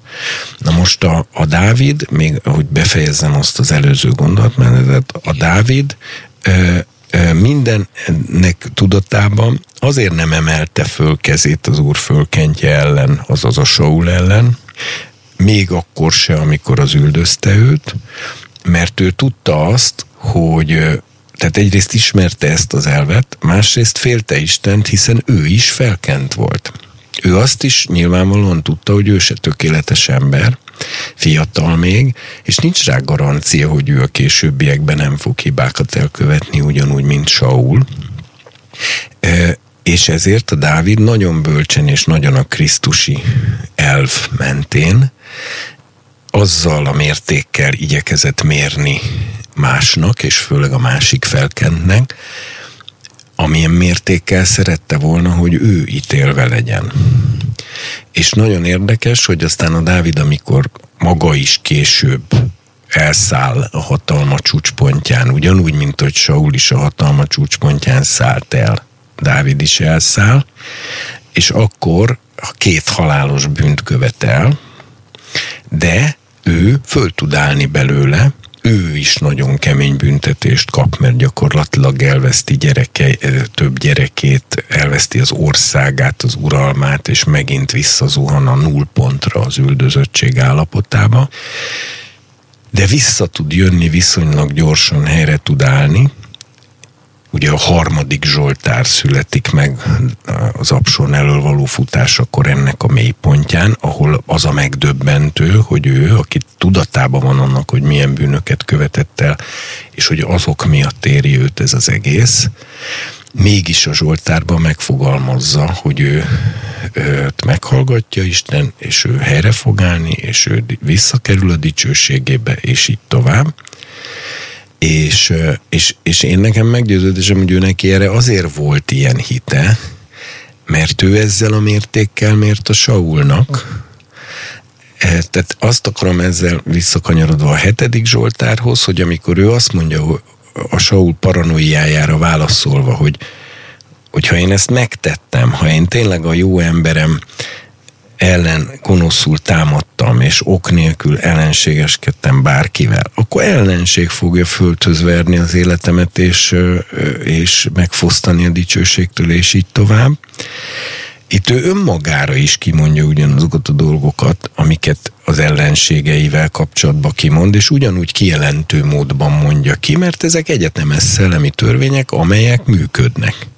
Később pedig, amikor tényleg megteszi, hogy a jó emberének gonoszszal fizet, hiszen a hitteus úriást megölette a felesége miatt, aki neki egy, az egyik leghűségesebb harcosa volt, és tényleg ok nélkül ellenségesen viselkedett, akkor mindez meg is történt vele, hiszen akkor vesztette el a királyságát, stb. Tehát az egészről azt akarom csak mondani, hogy a Dávid ezeket a dolgokat nem személyes indulatoskodásból, vagy ilyen személyes indulatvezérelt, meg nem bocsátó, neheztelő, haragvó hőzöngésből átkozódott jobbra-balra, hanem ő egyetemes szellemi törvényszerűségeket vallott meg, amiket magára nézve épp oly kötel, módon elismert, mint másokra nézve, és kijelentő módba közölte, hogy akik ilyeneket csinálnak, azokkal ez fog történni. Ha én csinálom velem, más csinálja mással. Na most, amiről Jézus beszél a hegyi beszédben, hogy hogy ne átkozzuk az embereket, meg Pál a Róma levélben, az nem erre vonatkozik, hanem arra az egoista, önző, ön, önérdek által motivált, indulattal telített, e, e, emberi haraggal telített, és ugye ember haragja Isten igazságát nem munkálja. Tehát e, e, ilyen jellegű átkozódás az, amiről Jézus beszél, meg Pál beszél, hogy ez, e, ez, ez, hogy ezt ne tegye egy keresztény, mert azzal se egyébként semmi más miatt ne tegye, csak azért, amiatt, mert saját magára szakítja rá ezeket a dolgokat. Tehát itt nem ugyanarról van szó. És végezetül hadd mondjak még valamit, hogy azért Pál apostol, meg Péter apostol viszont alkalmazátkot, ugye Pál Barézussal kapcsolatban, Péter Simon Mágussal kapcsolatban, illetve Pál időnként a leveleiben különböző szinteken, tehát ez új szövetségi dolog, de nagyon fontos, hogy ezek nem személyeskedésből, a pálnak a személyes sértettségéből, az önérdekeinek a sérelméből, az önzéséből, a mit tudom én, a, a, a nehezteléséből és a meg nem bocsátásából és az indulatoskodásából és a gyűlölködéséből és az emberi haragjából származtak, hanem azt meg kell érteni, hogy egy egyházvezetőnek annak felelőssége az Isten népét védeni minden olyan erővel szemben, amely az Isten népét komolyan veszélyezteti, és esetlegesen ártatlan hívőket például a kárhozatba taszítana. Na most ilyen esetben a Pál maga mondja például, hogy Korintusban van egy ember, akit hogyha nem tér meg, akkor ti és az én szellemem összegyűlünk, és átadjuk az ilyet a sátánnak a test elpusztulására, hogy a szelleme megmeneküljön a manapon. Vagy Himenéus és Filétus, akiket átadtam a sátánnak, hogy megtanulják, hogy ne szóljanak káromlásokat. Tehát ez ez nem egy személyes ügy, ez nem személyeskedésből fakad. A hegyi beszédben, amiről Jézus beszél, az a, a hegyi beszéd az az ember magánéleti, belső magánéleti törvénye. Tehát az, hogy te belül ne tarts haragot, ne néz idegen nőre kívánságokáért, ne neheztelj a szívedben, ö, ok nélkül, stb. stb. Ne, ne azért imádkozzál, hogy lássák, hogy te imádkozol, és ne azért adakozzál, hogy lássák, hogy adakozol, és ne az legyen a fő szempontod, hogy mit tegyünk, mit tegyünk, mi, mi, mivel ruházkodjunk, miből fogunk megélni, hanem az Isten országát keres. Tehát az egész hegyi beszéd az a, az a magánéletnek adott törvény, hogy így mondjam. Tehát a ö, az a szívnek a belső törvénye, mert a messiás azért jött, hogy a, szív, a törvényt a szív belsejébe írja be. Tehát minden keresztény, mint magánember akkor teszi jól, hogyha mindenkinek minden ellenevétkezőnek minden bűnt elenged, stb.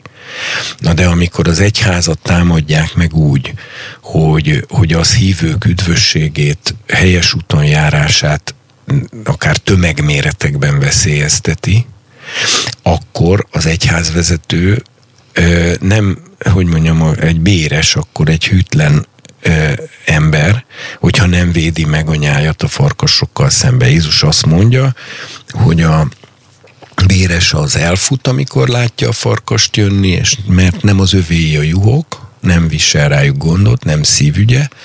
A pásztor az nem fut el, amikor a farkast látja jönni, hanem szembeszáll a farkassal. Na most az, ezért az egyház vezetőinek természetesen nem indulatból alaposan megfontolva, és legfőképpen, hogy a Szent Szellem vezetése alatt, de nem csak joguk, hanem kötelezettségük is az, hogy kimondják ugyanazokat a szellemi törvényeket, az egyházat pusztítani szándékozó gonoszokkal szemben, újra mondom, hogy alapos bibliaismeret, átgondoltság, szentlélektől való vezetettség, a helyzet reális felmérése, megítélése, tehát ez természetesen a felelősségük, de amennyiben a Szentlek mindezen módon Abszolút, ezek abszolút nem indulatvezérelt kérdések, viszont az egyháznak ilyen esetben ezt a fegyvert nem csavarhatott ki a kezéből, nem mondhatod azt, hogy az, hogy az egyház vezetőinek adott esetben ilyen jogosultságuk nincsen,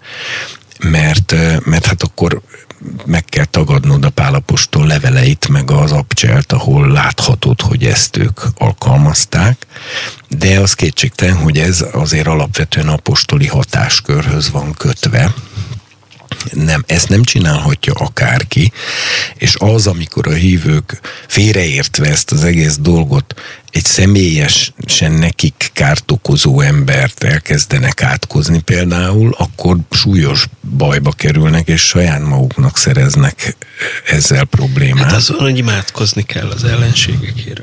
Hát imádkozni kell, de hát azért akkor én hogy ezt hogyan? egyébként így tréfásan meg szoktam jegyezni, hogy a Pál az ugyanúgy szerette Bar Jézust, mint önmagát, hiszen pontosan azt tette a Barézusra, ami ő vele történt, akkor, amikor ő csinálta ugyanazt, amit a Barézus, mert ő is néhány napra megvakult, ö, meg a Barézus is Igen, néhány napra megvakult. Tehát... tetted most számunkra, számomra biztosan. Ha nem, egy következő kép, muszáj, mert el kell neked menned, úgyhogy most nagyon gondolkozom, hogy mire maradt idő, de, egy, de nem tudok elmenni egy fontos esemény mellett, hogy lezárjuk ezt a, ezt a szakaszt. Van egy rész, ide is van nekem írva, ahol Sámuel könyve beszámol róla, hogy Saul, mikor Dávidot kereste, valamiképp egy szent állapotba keveredett. Miért így írtam? Profétálni kezdett. Még csodálkoztak is az emberek, hogy Saul is a proféták között van. Tehát Isten szelleme rászállt, így van a szövegben, majd a történet szerint Saul mesztelenül, vagy hát szóval ágyékkötőbe fekszik, nekivetközve Sámuel előtt, ezt a múltkor tisztáztuk, 24 órán keresztül, és ott profétál. és itt véget ér a beszámoló, legközelebb Saul király már megint a palotában van, és röviddel ezután újra meg akarja öletni Dávidot.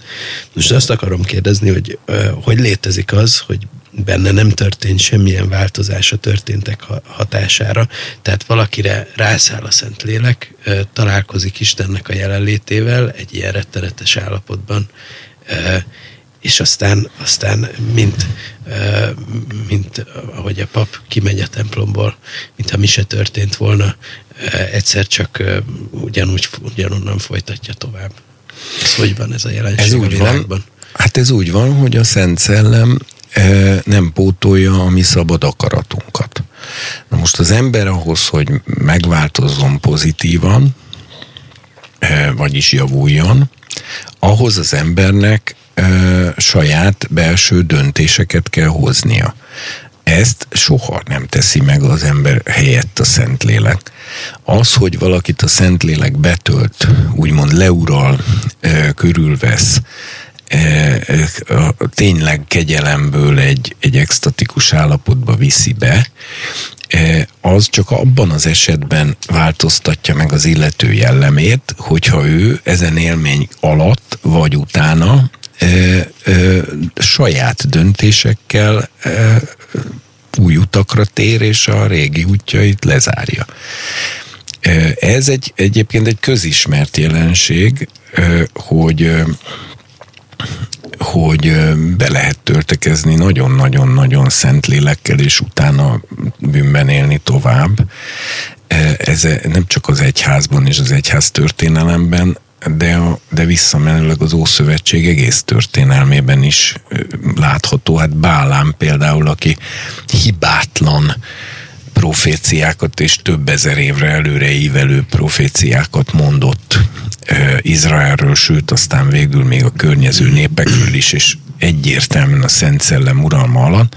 Utána viszont tanácsot adott Moab királyának, hogy hogy tudja mégis átok alá vinni Izraelt azzal, hogyha beküldi a moabita lányokat, hogy hívogassák paráználkodni és bálványt imádni a zsidókat. Tehát miközben a Bálám alapvetően a pénzt szerette volna megszerezni, és, és és ezért ő igazából már azt kereste, hogy hogy tudná a bálák akaratát teljesíteni, de azért amikor a Szentlélek kenete alá lépett és profetálni kezdett, akkor hibátlanul profétált és megáldotta Izraelt, és, és tökéletes egy betű hibát nem ejtett benne, pedig a szíve már rossz irányba állt. Ez mindenhol végigkövethető az egész Szentírásban, hogy a Szentlélek attól, hogy valakit az uralma és befolyása alá von, ugye pont ebből lehet tudni, hogy a Szentlélek nem démon, mert a Szentlélek ezért mondja a Pálapostól, hogy ahol az Úr szelleme, ott a szabadság, mert a Szentlélek az ember szívét soha nem erőszakolja meg betölti, mond neki mindenféle jót, és bátorítja, buzdítja, és vigasztalja, és gyógyítja, és minden, de döntéseket nem hoz helyettünk, szemben a démonokkal, akik, hogyha sikerül egy emberi szívet az uralmuk alá vonni, akkor döntéseket hozatnak az emberi szívvel, mert ők nem tisztelik az ember szabadságát, hanem rabságba igyekeznek vinni, és ezért van az, hogy a médiumok, akik ugye átadják magukat démonoknak, hogy azok, meg, azok beszéljenek rajtuk keresztül, az életük teljesen tönkre megy, és miközben a, ezt a médiumitásukat csinálják, közben az énjük az gyakorlatilag megszűnik, és démonok veszik át a helyét. Ezért aztán az életük általában tönkre megy, megőrülnek, stb. A Szent Szellem ilyet soha nem csinál. A Szent Szellem az bármennyire is betölt egy embert, és akár a menny atmoszférájába vonja is be, de a szívét, szívében a saját döntéseit meghagyja ő neki maximum buzdítja, vagy bátorítja, hogy tedd meg ezt, vagy tedd meg azt, ad hozzá világosságot, belátást, erőt, de ha az illető nem akarja megtenni, nem fogja megtenni. Ezért van, hogy Pál az 1 Korintus 12-13-14-ben, ahol a Szentlélek ajándékait tárgyalja, a, a, a tanítás kellős közepébe, a 13. fejezetnél beszövi a szeretet himnuszt azzal a felvezetéssel, hogy még ha embereknek vagy angyaloknak nyelvén szólok is, de szeretet nincs bennem, ugye zengő cintányér vagyok, még hogyha hegyeket tudok is elmozdítani a hitemmel, és profétálok, és jövendőt, és minden titkot és minden tudományt ismerek is, de szeretet nincs bennem semmi hasznom abból. Nem véletlen, hogy ezt a Szentlélek ajándékai kapcsán mondja el, mert pont a Pál ezzel arra figyelmeztet, hogy az, hogy valakiben a Szentlélek ajándékai bármilyen magas színvonalon működnek, az ő magának sem ad garanciát, meg senkinek arra, hogy közben az ő szíve erkölcsileg jó állapotban marad. Arról neki kell gondoskodnia. Azzal kapcsolatos döntéseit neki magának kell meghoznia, és ezért ez egy becsapós dolog is, és azért is buknak el nagyon sokan pont karizmatikus körökben, és pont sokszor nagyon nagy kenet alatt szolgáló emberek, mert, mert becsapós az, hogyha a Szentlélek rajtam keresztül mindenféle kenetekkel, ajándékokkal, mindennel gazdagon működik, akkor az ember hajlamos azt hinni, hogy akkor én rendben is vagyok. Holott az, hogy én rendben legyek, az továbbra is az én szívemnek a belső felelőssége Isten irányában, és ezt nekem állandóan ellenőriznem kell, és a megfelelő döntéseimet ugyanúgy nekem kell meghoznom, mint ahogy akkor kellett meghoznom, amikor először tértem meg életemben, és még be se voltam töltekezve szent lélekkel.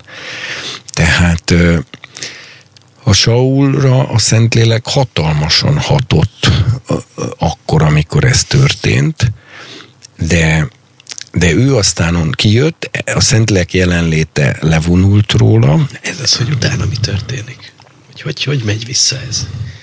Hát úgy megy vissza, hogy, hogy, hogy az Szentlélek kenete levonul, alább hagy, mint egy ilyen áradat, lemegy, és akkor ott marad az ember a saját szellemével, és a saját lelkiismeretével, és akkor az a kérdés, hogy akkor utána levonja-e a kellő mélységig ráadásul az ezzel kapcsolatos tanulságokat, és meghozza -e azokat az akarati döntéseket, amiket ebben az ügyben meg kell hoznia.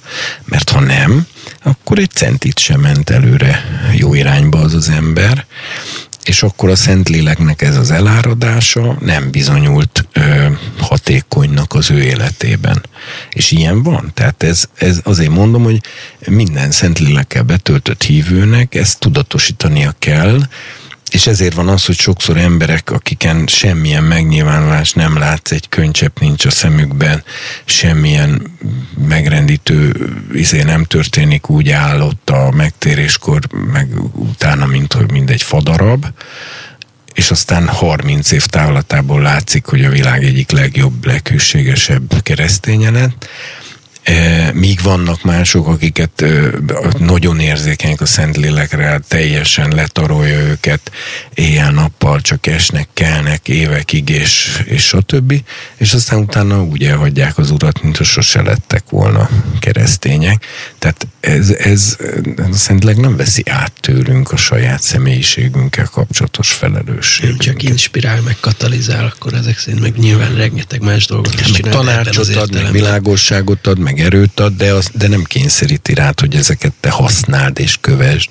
Felgyújtja a villany, de nem kényszeríti rád, hogy nézz is körül, és dolgozzál is ott a tárgyakkal, csak a, ő segít mindenben, szerintem egy végtelen jó ö, szellem, mindenben segít, de éppen azért, mert nagyon jó, éppen ezért az emberi szabadságot nem veszi el.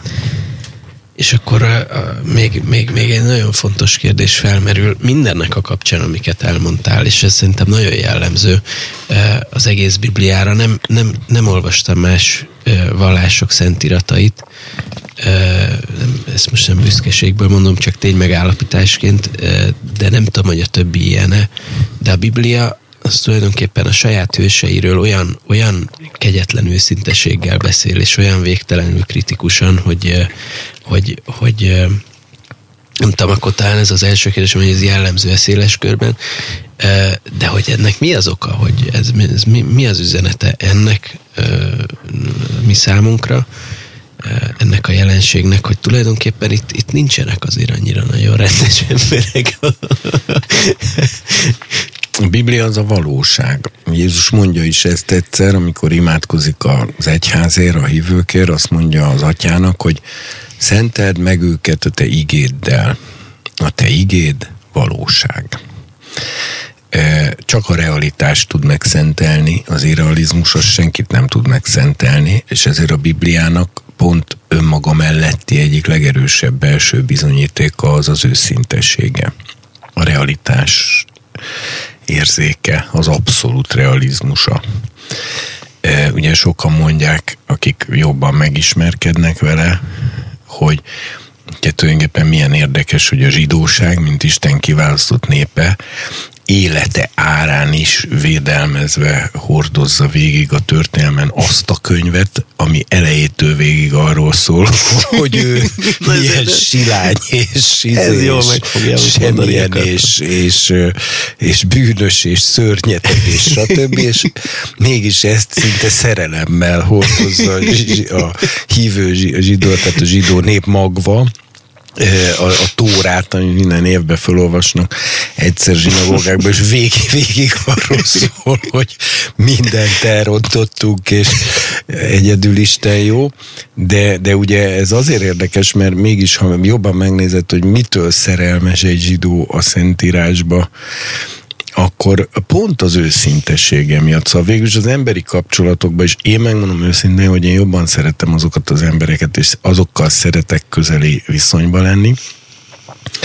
akik ha, ha úgy érzik, akkor tök őszintén beszólnak nekem, hm. e, e, és ugye van is ilyen példabeszéd, hogy aki megfeddi az embert, végül inkább kedvességre talál, mint a sima nyelvű. Sima nyelvű? Hát a Biblia az nem sima nyelvű, a 119. Zsoltár egyik verse úgy szól, és nagyon szeretem, hogy mindenek felett való egyenességben jelentetted ki a te beszédeidet. Tehát ha más nem lenne bizonyíték arról, hogy a Biblia Isten szava, akkor az az a szeretetteljes, de ugyanakkor kérlelhetetlen őszinteség és egyenesség, amivel beszél. Egyszerűen megmondom őszintén, ha nekem mert én, én nem kaptam vallásos neveltetést, illetve hát egész pici gyerekkoromban kaptam, de hát az, az inkább eltávolított a dologtól, aztán utána viszont kifejezetten ateista neveltetésbe részesültem és úgy lettem hívő, hogy, hogy teljesen ateistaként Bibliát kezdtem olvasni, és, és valahogy maga a Biblia győzött meg önmagáról. És hogyha úgy keresem visszafelé, meg ma is, amikor olvasom a Bibliát újra, meg újra, ez, ez az érzés elevenedik meg, hogy a Biblia azáltal tesz ön, önmagáról egy, egy egyszerűen elementáris erejű bizonyságot, hogy ennyire őszinte könyv vagy ember nem létezik. Ez az őszinteség, ez nem lehet más, csak maga Isten. Mert közben egyszer mind tele van szeretettel, de viszont az őszín, az, az, ez a szeretetteljes őszintesége, ez olyan fokú, hogy azért közben meg az ember tényleg, ugye, tehát amikor ez az őszinteség ez odáig megy, hogy pillanatokat elégnek emberek, tehát mondjuk a Nádáb és a Bigú bevitte a idegen tüzet a izébe, és akkor tűz jött ki az úr elől, és elégtek. Tehát, hogy, hogy, hogy egyszerűen Isten, Isten az egyetlen lény a világmindenségben, aki az mer lenni, aki és soha nem játsza meg magát, és nem érdekli, hogy mi azt gondoljuk róla néha, hogy túl szigorú, vagy túl kemény, vagy ilyesmi, mert ugyanakkor meg, ha az ember őszintén olvassa, akkor, és ezt a zsidóság is tapasztalja, még Jézus Krisztus nélkül is tapasztalja, hogy, hogy olyan mély szeretetből fakad ez a ez a radikális egyenesség és őszinteség, és, és az, a, az, a, az, hogy a Bibliában egyetlen olyan szót nem találsz, amiben, ez, amiben hamisságot éreznél, hanem egyszerűen, egyszerűen ez az őszinteség, ez a szavakig, vagy a hangokig, vagy a betűkig menőkig. Tehát egyetlen egy simlis, vagy smúzoló mellék zönge nem jelenik meg, hanem egyszerűen minden mondata ebben az abszolút őszintességben hangzik el. Mikor elégedetlen, akkor azt mondja meg abszolút őszintén, ha elégedett, azt mondja meg. A proféta egyszerre, hogy mondjam, ordítja le a, a zsidóság fejét, most így mondván, hogy mit csináltok ti, hogy viselkedtek, stb. De a következő mondatában pedig azt mondja, hogy, hogy de de helyre foglak állítani benneteket, és, és össze foglak gyűjteni, és jó lesz a vége, és mit tudom én. Tehát, hogy, hogy a szeretetnek és a, és a kérlelhetetlen őszinteségnek minden mondatban, minden szóban olyan ereje jelenik meg, hogy egyszerűen nekem ez önmagában ad egy belső bizonyosságot, hogy ez Isten szava. Ez egyszerűen nem jöhet máshonnan. Mikor a Jézust elmentek letartóztatni, a farizeusok, szaduceusok küldöttei, és utána visszajöttek üres kézzel, és kérdezték a Sanhedrinbe, hogy miért nem hoztátok el? És akkor erre ezek az emberek azt mondták, hogy hát soha nem beszélt ember úgy, ahogy ez az ember beszél. Tehát, hogy, hogy elmentek, és egyszerűen elvesztették a, a letartóztatási képességüket, hogy úgy mondjam, miután egy picit azáltal, hogy oda mentek, eh, pár mondat beotolt a fülükbe, megálltak, és, és, az, és, és egyszerűen nem tudták letartóztatni, mert hát, mert hát ugye Jézusra is az, ugyanez volt a jellemző, hogy, hogy mindenkinek mindent minden izé nélkül megmondott, és leláthatólag nem érdekelte, hogyha lefogják, megölik, nem tudom micsoda, ő őszinte. Ez tök egyszerű, csak, csak az az érdekes, hogy rajta kívül, meg az atyán kívül, meg a szent lelken kívül ezt még soha senki nem tudta így megcsinálni.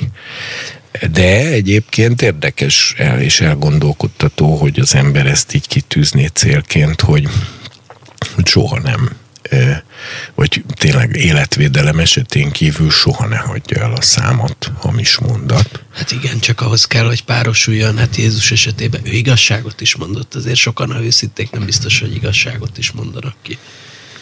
Ez igaz, de, de hogyha az ember csak maga, magáról beszél, maga felől, tehát nem mások fölött akar ítélkezni, meg ilyesmi, hanem tehát nem lépi túl a saját hatáskörét, és abban teljesen őszinte lenne. Ha az ember csak az érzéseit megmondaná teljesen őszintén, hogy mit tudom én, találkozik XY-nal,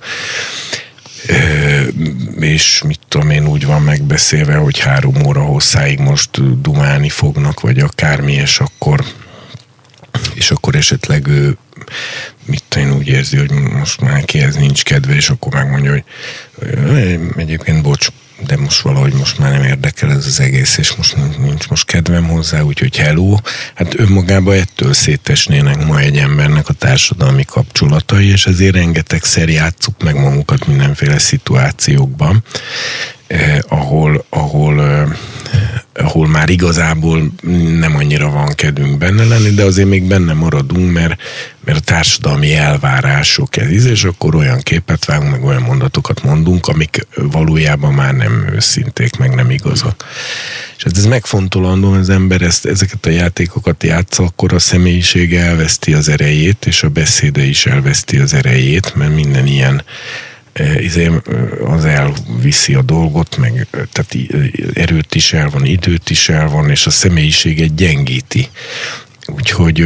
Bízom benne, nem az lesz a monológ vége, hogy fölállsz és hazamész, és nem csinálod tovább ezt. Ja, nem erre mondtam, mert most még, most még van hozzá kedvem. Ez jó. Ahol még, még, még, még egy, egy kérdést, mert ezt most kihasználom, ezt az alkalmat, hogy erről beszélgethetünk viszonylag kevés időnk maradt, de azért nem tudom, hogy ezt nagyon röviden össze lehet foglalni, hogy, hogy, eh, hogy hogyan csúszik bele az ember ilyesmikbe, mint amiben Dávid aztán belecsúszott, hogy mi, a, mi ennek a pszichológiája, vagy, vagy mit tanulhatunk mi ebből, meg nyilván ezerféle dolgot. Most melyikre gondolsz?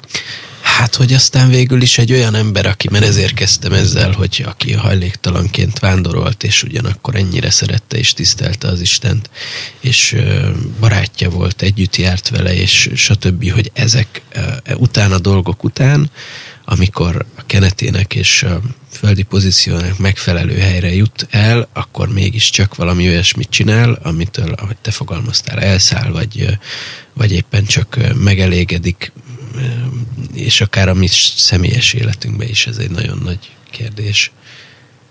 Hát egyébként, mintha ilyesmiről már beszéltünk volna régebben, és én nem feltétlenül tudok mindig újat mondani, meg, meg nem is feltétlenül tudom ezekre a választ. Én amit tudok talán mondani, de ez, ezek, ez csak részigasság és töredék, hogy hogy hát azért általában az van, hogy, hogy amikor az emberek elérik azt, amit, amire vágytak, és ez egy általános jelenség és általános emberi tapasztalat, akkor érzik meg azt, hogy valójában ettől ők nem lettek boldogok. E, egyszerűen abból fakadóan, hogy ezen a földön a hogy mondjam, egyszerűen lehetetlenség az, hogy az ember hosszú ideig maradandóan és teljes mértékben boldog legyen, és az ember a szíve mélyén még a legnagyobb, tehát amikor minden jól megy, akkor is érez egy olyan hiányt és ürességet, ami, e, ami egyszerűen abból fakad, hogy ez nem a mi hazánk.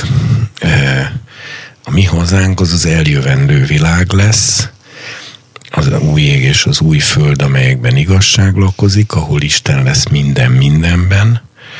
Az ember tulajdonképpen most röviden mondva egyedül akkor él át teljes és maradéktalan boldogságot, amikor teljesen elfogadott és szeretett lénynek érzi magát.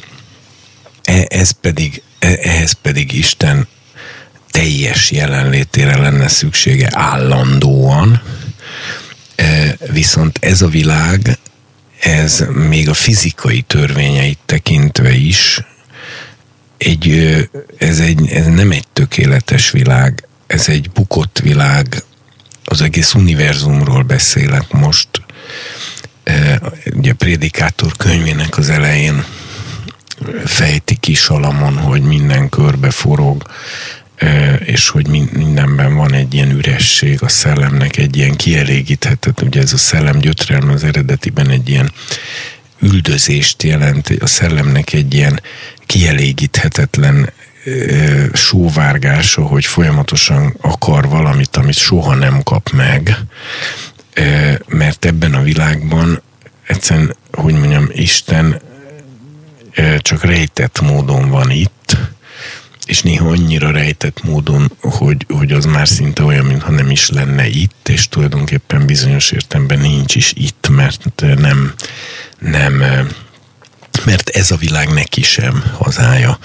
Ez nem egy végleges világ, ez Istennek se felel meg, itt rothadandóság van, itt halál van, itt maga az anyagi világ alaptörvényei, tehát termodinamika második főtétele az entrópia, vagyis a rendezetlenség mértékének növekedésének a törvénye miatt itt minden szétesik, itt állandóan takarítani kell, mert mindig minden koszos lesz, az autó tönkre megy, állandóan szerelőhöz kell vinni, a egy mukuskerékszerű körforgásban vagyunk, és mindenkinek a szíve mélye, még amikor jól érzi magát is, van egy hiányérzet, egy üresség, úgy fogalmaz a példabeszédek könyv, hogy még nevetés közben is fáj a szív, és végül az öröm szomorúságra fordul egy hiába valóságérzés van az egészben, és ez az egész univerzumra jellemző. Végül is a Prédikátor könyvének, ami emiatt szent könyv és került be a Bibliába, mert tulajdonképpen először fogalmazza meg a Prédikátor könyve, egyébként szintén egy csúcson levő embernek, a Salamonnak, akinek minden kívánsága teljesült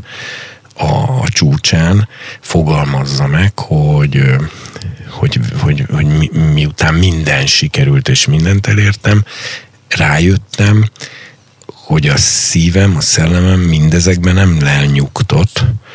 Ez mind hiába valóság, és mind a szellemnek ez a, ez a kielégíthetetlen sóvárgása egy jobb és igazabb világ után, és ezért van az, hogy addig, amíg Isten az új eget és új földet nem teremti meg, addig nekünk igazi otthonunk, ahol mi igazából megpihenhetünk, nincsen.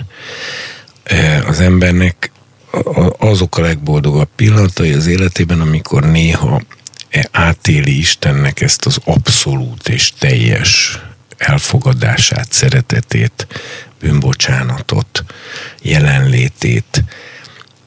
De ez, de ez se gyakori. Nem igaz az, hogy az ember minden nap az ima által ebbe tud kerülni, mert nem. És ha be is kerülne, de nem szokott azért mindig sikerülni, de ha be is kerülne, utána kimegy az utcára, teszi a dolgát, és megint egy, egy, egy olyan helyen van, ami nem az ő övé. Az ember sokszor érzi jól magát, de annak a mélyén is ez ott van. Na most, amikor valaki ugye azt ambicionálja, hogy hogy majd ha ezt elérem meg, azt elérem meg, gazdag leszek, meg híres leszek, meg tisztelni fognak, meg szeretni fognak, meg, meg hatalmam lesz, meg, meg vagy családom lesz, meg szeretett feleségem lesz, meg gyerekem lesz, meg ez lesz, meg az lesz, meg nagyon jó focista leszek, meg világhírű leszek, meg ilyenek, azt hiszi, hogy ettől boldog lesz, szerelmes lesz, akkor azt hiszi, hogy akkor, ha az beteljesedik, boldog lesz, nem igaz, stb. És akkor, mikor mindent elér, és ez egy bizonyos értelemben a, a mindent elérő embereknek a problémája ez, hogy akkor ott az egésznek a tetőpontján olyan elemi erővel tapasztalja meg azt, hogy mindent elért, és még, mégis ott marad a hiány, hogyha ezt nem tudja földolgozni, tehát nem tudja kezelni, hogy mert ugye addig, amíg az embert hajtja a motiváció, hogy ha én leszek a világ leghíresebb focistája, akkor, akkor majd én boldog leszek, akkor, akkor ez egy motor, minden reggel hajnalba föl kell, előírt étkezéseit megeszi, utána megy edzésre, izé még órával úgy alszik, hogy még az is pont annyi legyen, amennyi kell, Szerintem a Maradona jár a fejembe. Ilyenkor mindig ő jut eszembe, aki tényleg mindent elért, amit egy focista elérhet, meg egy magafajta gyerek, aki nyilván arra vágyott, hogy, hogy világhírű legyen, minden csaj megszerezhessen, rengeteg pénze legyen, és kb. ebbe képzelhette el a, a boldogságot, és amikor ezt mind elérte, akkor brutál súlyos kokain függő lett, és utána évtizedekig kell kezelni a, a valami lakatlan szigeten, valami rehabon, mire, mire vissza tud térni a normális emberi létezésbe. Miért? De annak az embernek, aki nem ér el mindent, annak annyiban könnyebb, hogy ő még a élete legvégén is azt gondolhatja, hogy de ha elértem volna, akkor, boldog lettem volna, és ezért ő végig pedálozza az egész életét. De aki eléri, és utána, amíg elérte, akkor azt éli meg, hogy, hogy még mindig itt van az üresség és a hiány, és viszont már nem tud mit mondani, hogy akkor mit kéne csinálnom, akkor most mit csináljak? Hát eddig azt hittem, hogy, hogy ezért érdemes, és na, ezen a ponton tudnak az emberek nagyon mély depresszió, és ez az oka annak, hogy a legsikeresebb emberek tudnak a legmélyebb ö, depressziókba lezuhanni, mert ők már megtapasztalták azt, hogy amit ért a fél életüket végdolgozták, és óriási erőfeszítéseket és energiákat raktak bele, az nem hozta meg számukra azt a békességet, amire vágytak. Ugye van egy ilyen ige, hogy a önmagából elégszik meg a jó férfiú, az ő útjaiból pedig az elfordult szívű. Ez egy nagyon bölcs mondás, mert aki azt hiszi, hogy az útjaiból, tehát a teljesítményeiből, a munkájából, a, a, az elért eredményeiből, az óriási erőfeszítéseiből fog megelégedni, annak azt mondja a Biblia, el van a szíve fordulva. A nem jó irányba áll a szíve. A jó irányba álló szívű emberről azt mondja, hogy az önmagából elégszik meg, tehát belül van az a forrása, nyilvánvalóan Isten jelenléte és a, és a hozzávaló viszonya. Ö, meg ezzel kapcsolatban akartam még valami nagyon fontosat mondani, hogy nem mindegy, most az nem jut eszembe, de majd eszembe jut, ha tényleg fontos volt. Tehát, tehát én, én azért gondolom, hogy ezért bukott el Dávid is, ezért bukott el Salamon is. Ja igen, tudom, a Salamont akartam mondani, hogy, nagyon érdekes, én most Héberül olvasom a prédikátort, és ott nagyon érdekes, hogy mikor azt mondja, hogy, hogy örömömet leltem minden munkámban, amiket végeztem, de mikor befejeztem, visszafordultam, visszanéztem, és ahogy ránéztem, azt láttam, hogy ez mind hiába valóság, és a szellem kielégíthetetlen sóvárgása. Most a Héber szövegből valahogy nagyon plastikusan kijön, ami a magyarból nem, hogy tulajdonképpen ott azt mondja, hogy amíg dolgoztam vele, addig örömöm volt benne, hogy dolgozom vele. De mikor elkészültem, ugye mondja, hogy csináltam házakat, tavakat, erdőket ültettem, a tavakat csináltam az erdők öntözésére, dödödöm, minden ilyesmi, és hogy mindaddig, amíg csináltam, addig abban, hogy csinálom, örömömet leltem. Még előtte úgy is fogalmaz, hogy eh, megnöve, eh, megtöbbítettem Hitkát Dálti, vagy nem tudom, hogy mondja Héverül, hogy, a, hogy, hogy meg, megnöveltem a munkáimat, amikor láttam, tehát éreztem, hogy minden hiába valóságban még jobban megnöveltem a munkáimat, tulajdonképpen mintha egy önvalomás tenne, hogy munkamániás lettem, még többet dolgoztam, és, amíg, és akkor mindaközben míg dolgoztam, addig élveztem, de amikor vége lett, és visszanéztem, hogy na, kész vannak a házak, az erdők, a tavak, amit tudom, micsoda, és akkor láttam, hogy hát ez mind hiába valóság, és a szellem kielégítetetlen sóvárgása. Tehát, tehát hogy amíg motivált az illető, mert azt hiszi, hogy ha ezt ő megcsinálja, akkor az majd jó lesz, de amikor aztán, és akkor azt élvezi, mert motivál, mert egy, ugye a depressziónak a definíciója az, hogy amikor egy embernek nincs már motivációja, tehát motiválatlanná válik. Na most én azt gondolom, hogy a Dávidnál a hatalmának a teljességénél ez az üresség beállt.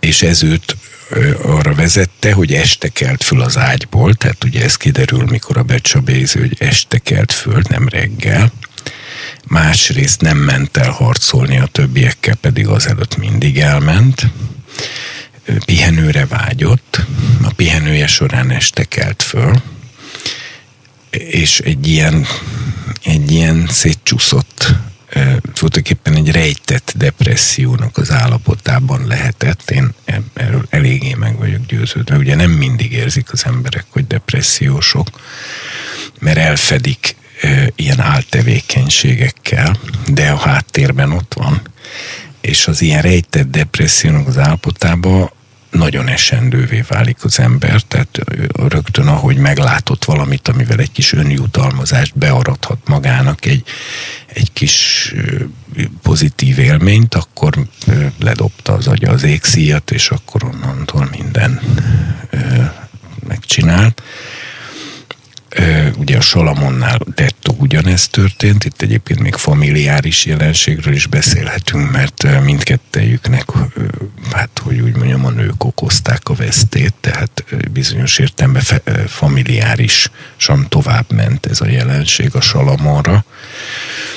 És hát ettől ők még ugye, hogy Saul is mindketten felkentek maradtak, és az elhívásuk és az ajándékuk visszavonhatatlan, és a könyveik a Bibliában vannak, és minden, de hát azért nekik ez sok nehézséget okozott. Hát ennyi mindenen keresztül mentek Isten emberei. Az, hogy Dávid például már a templomot nem építhette föl, vagy a vagy a, a Mózes sem mehetett be Kánaánba, hogy, hogy lehet, hogy én úgyis ezt talán értelmezem, hogy, a, hogy, hogy, hogy egyszerűen Isten már azt mondta, hogy most már nyugodtan pihenjetek, már ezt nyugdíjazlak titeket, nem nektek kell megharcolni. Mert hogy nyilván hát azért van ez a sok támadás is, mert hogy Isten emberei, vagy hát gondolom én, na mindegy. Minden esetre Dávidot is nyugdíjazta az örökkévaló, és, és Hát és, elég idős korban azért. Tehát ő azért utána ugye helyreállt, és akkor még azért nagyon nagy projekteket csinált meg, csak akkor már valószínűleg nem, nem ugyanabból a motivációból, hanem ugye ebből csak úgy lehet kijönni, hogyha valaki utána arra néz, hogy, hogy na jó van, akkor most már nem magamért csinálom ezt a sok mindent, hanem akkor már tényleg azért, hogy, a, hogy az Isten az Istenért Jövő héten uh, Salamonról fogunk beszélgetni, és uh, addig is uh, minden jót nektek, és köszönjük, hogy velünk tartottatok. Uh, Szerbusz Tibor, sziasztok! Sziasztok!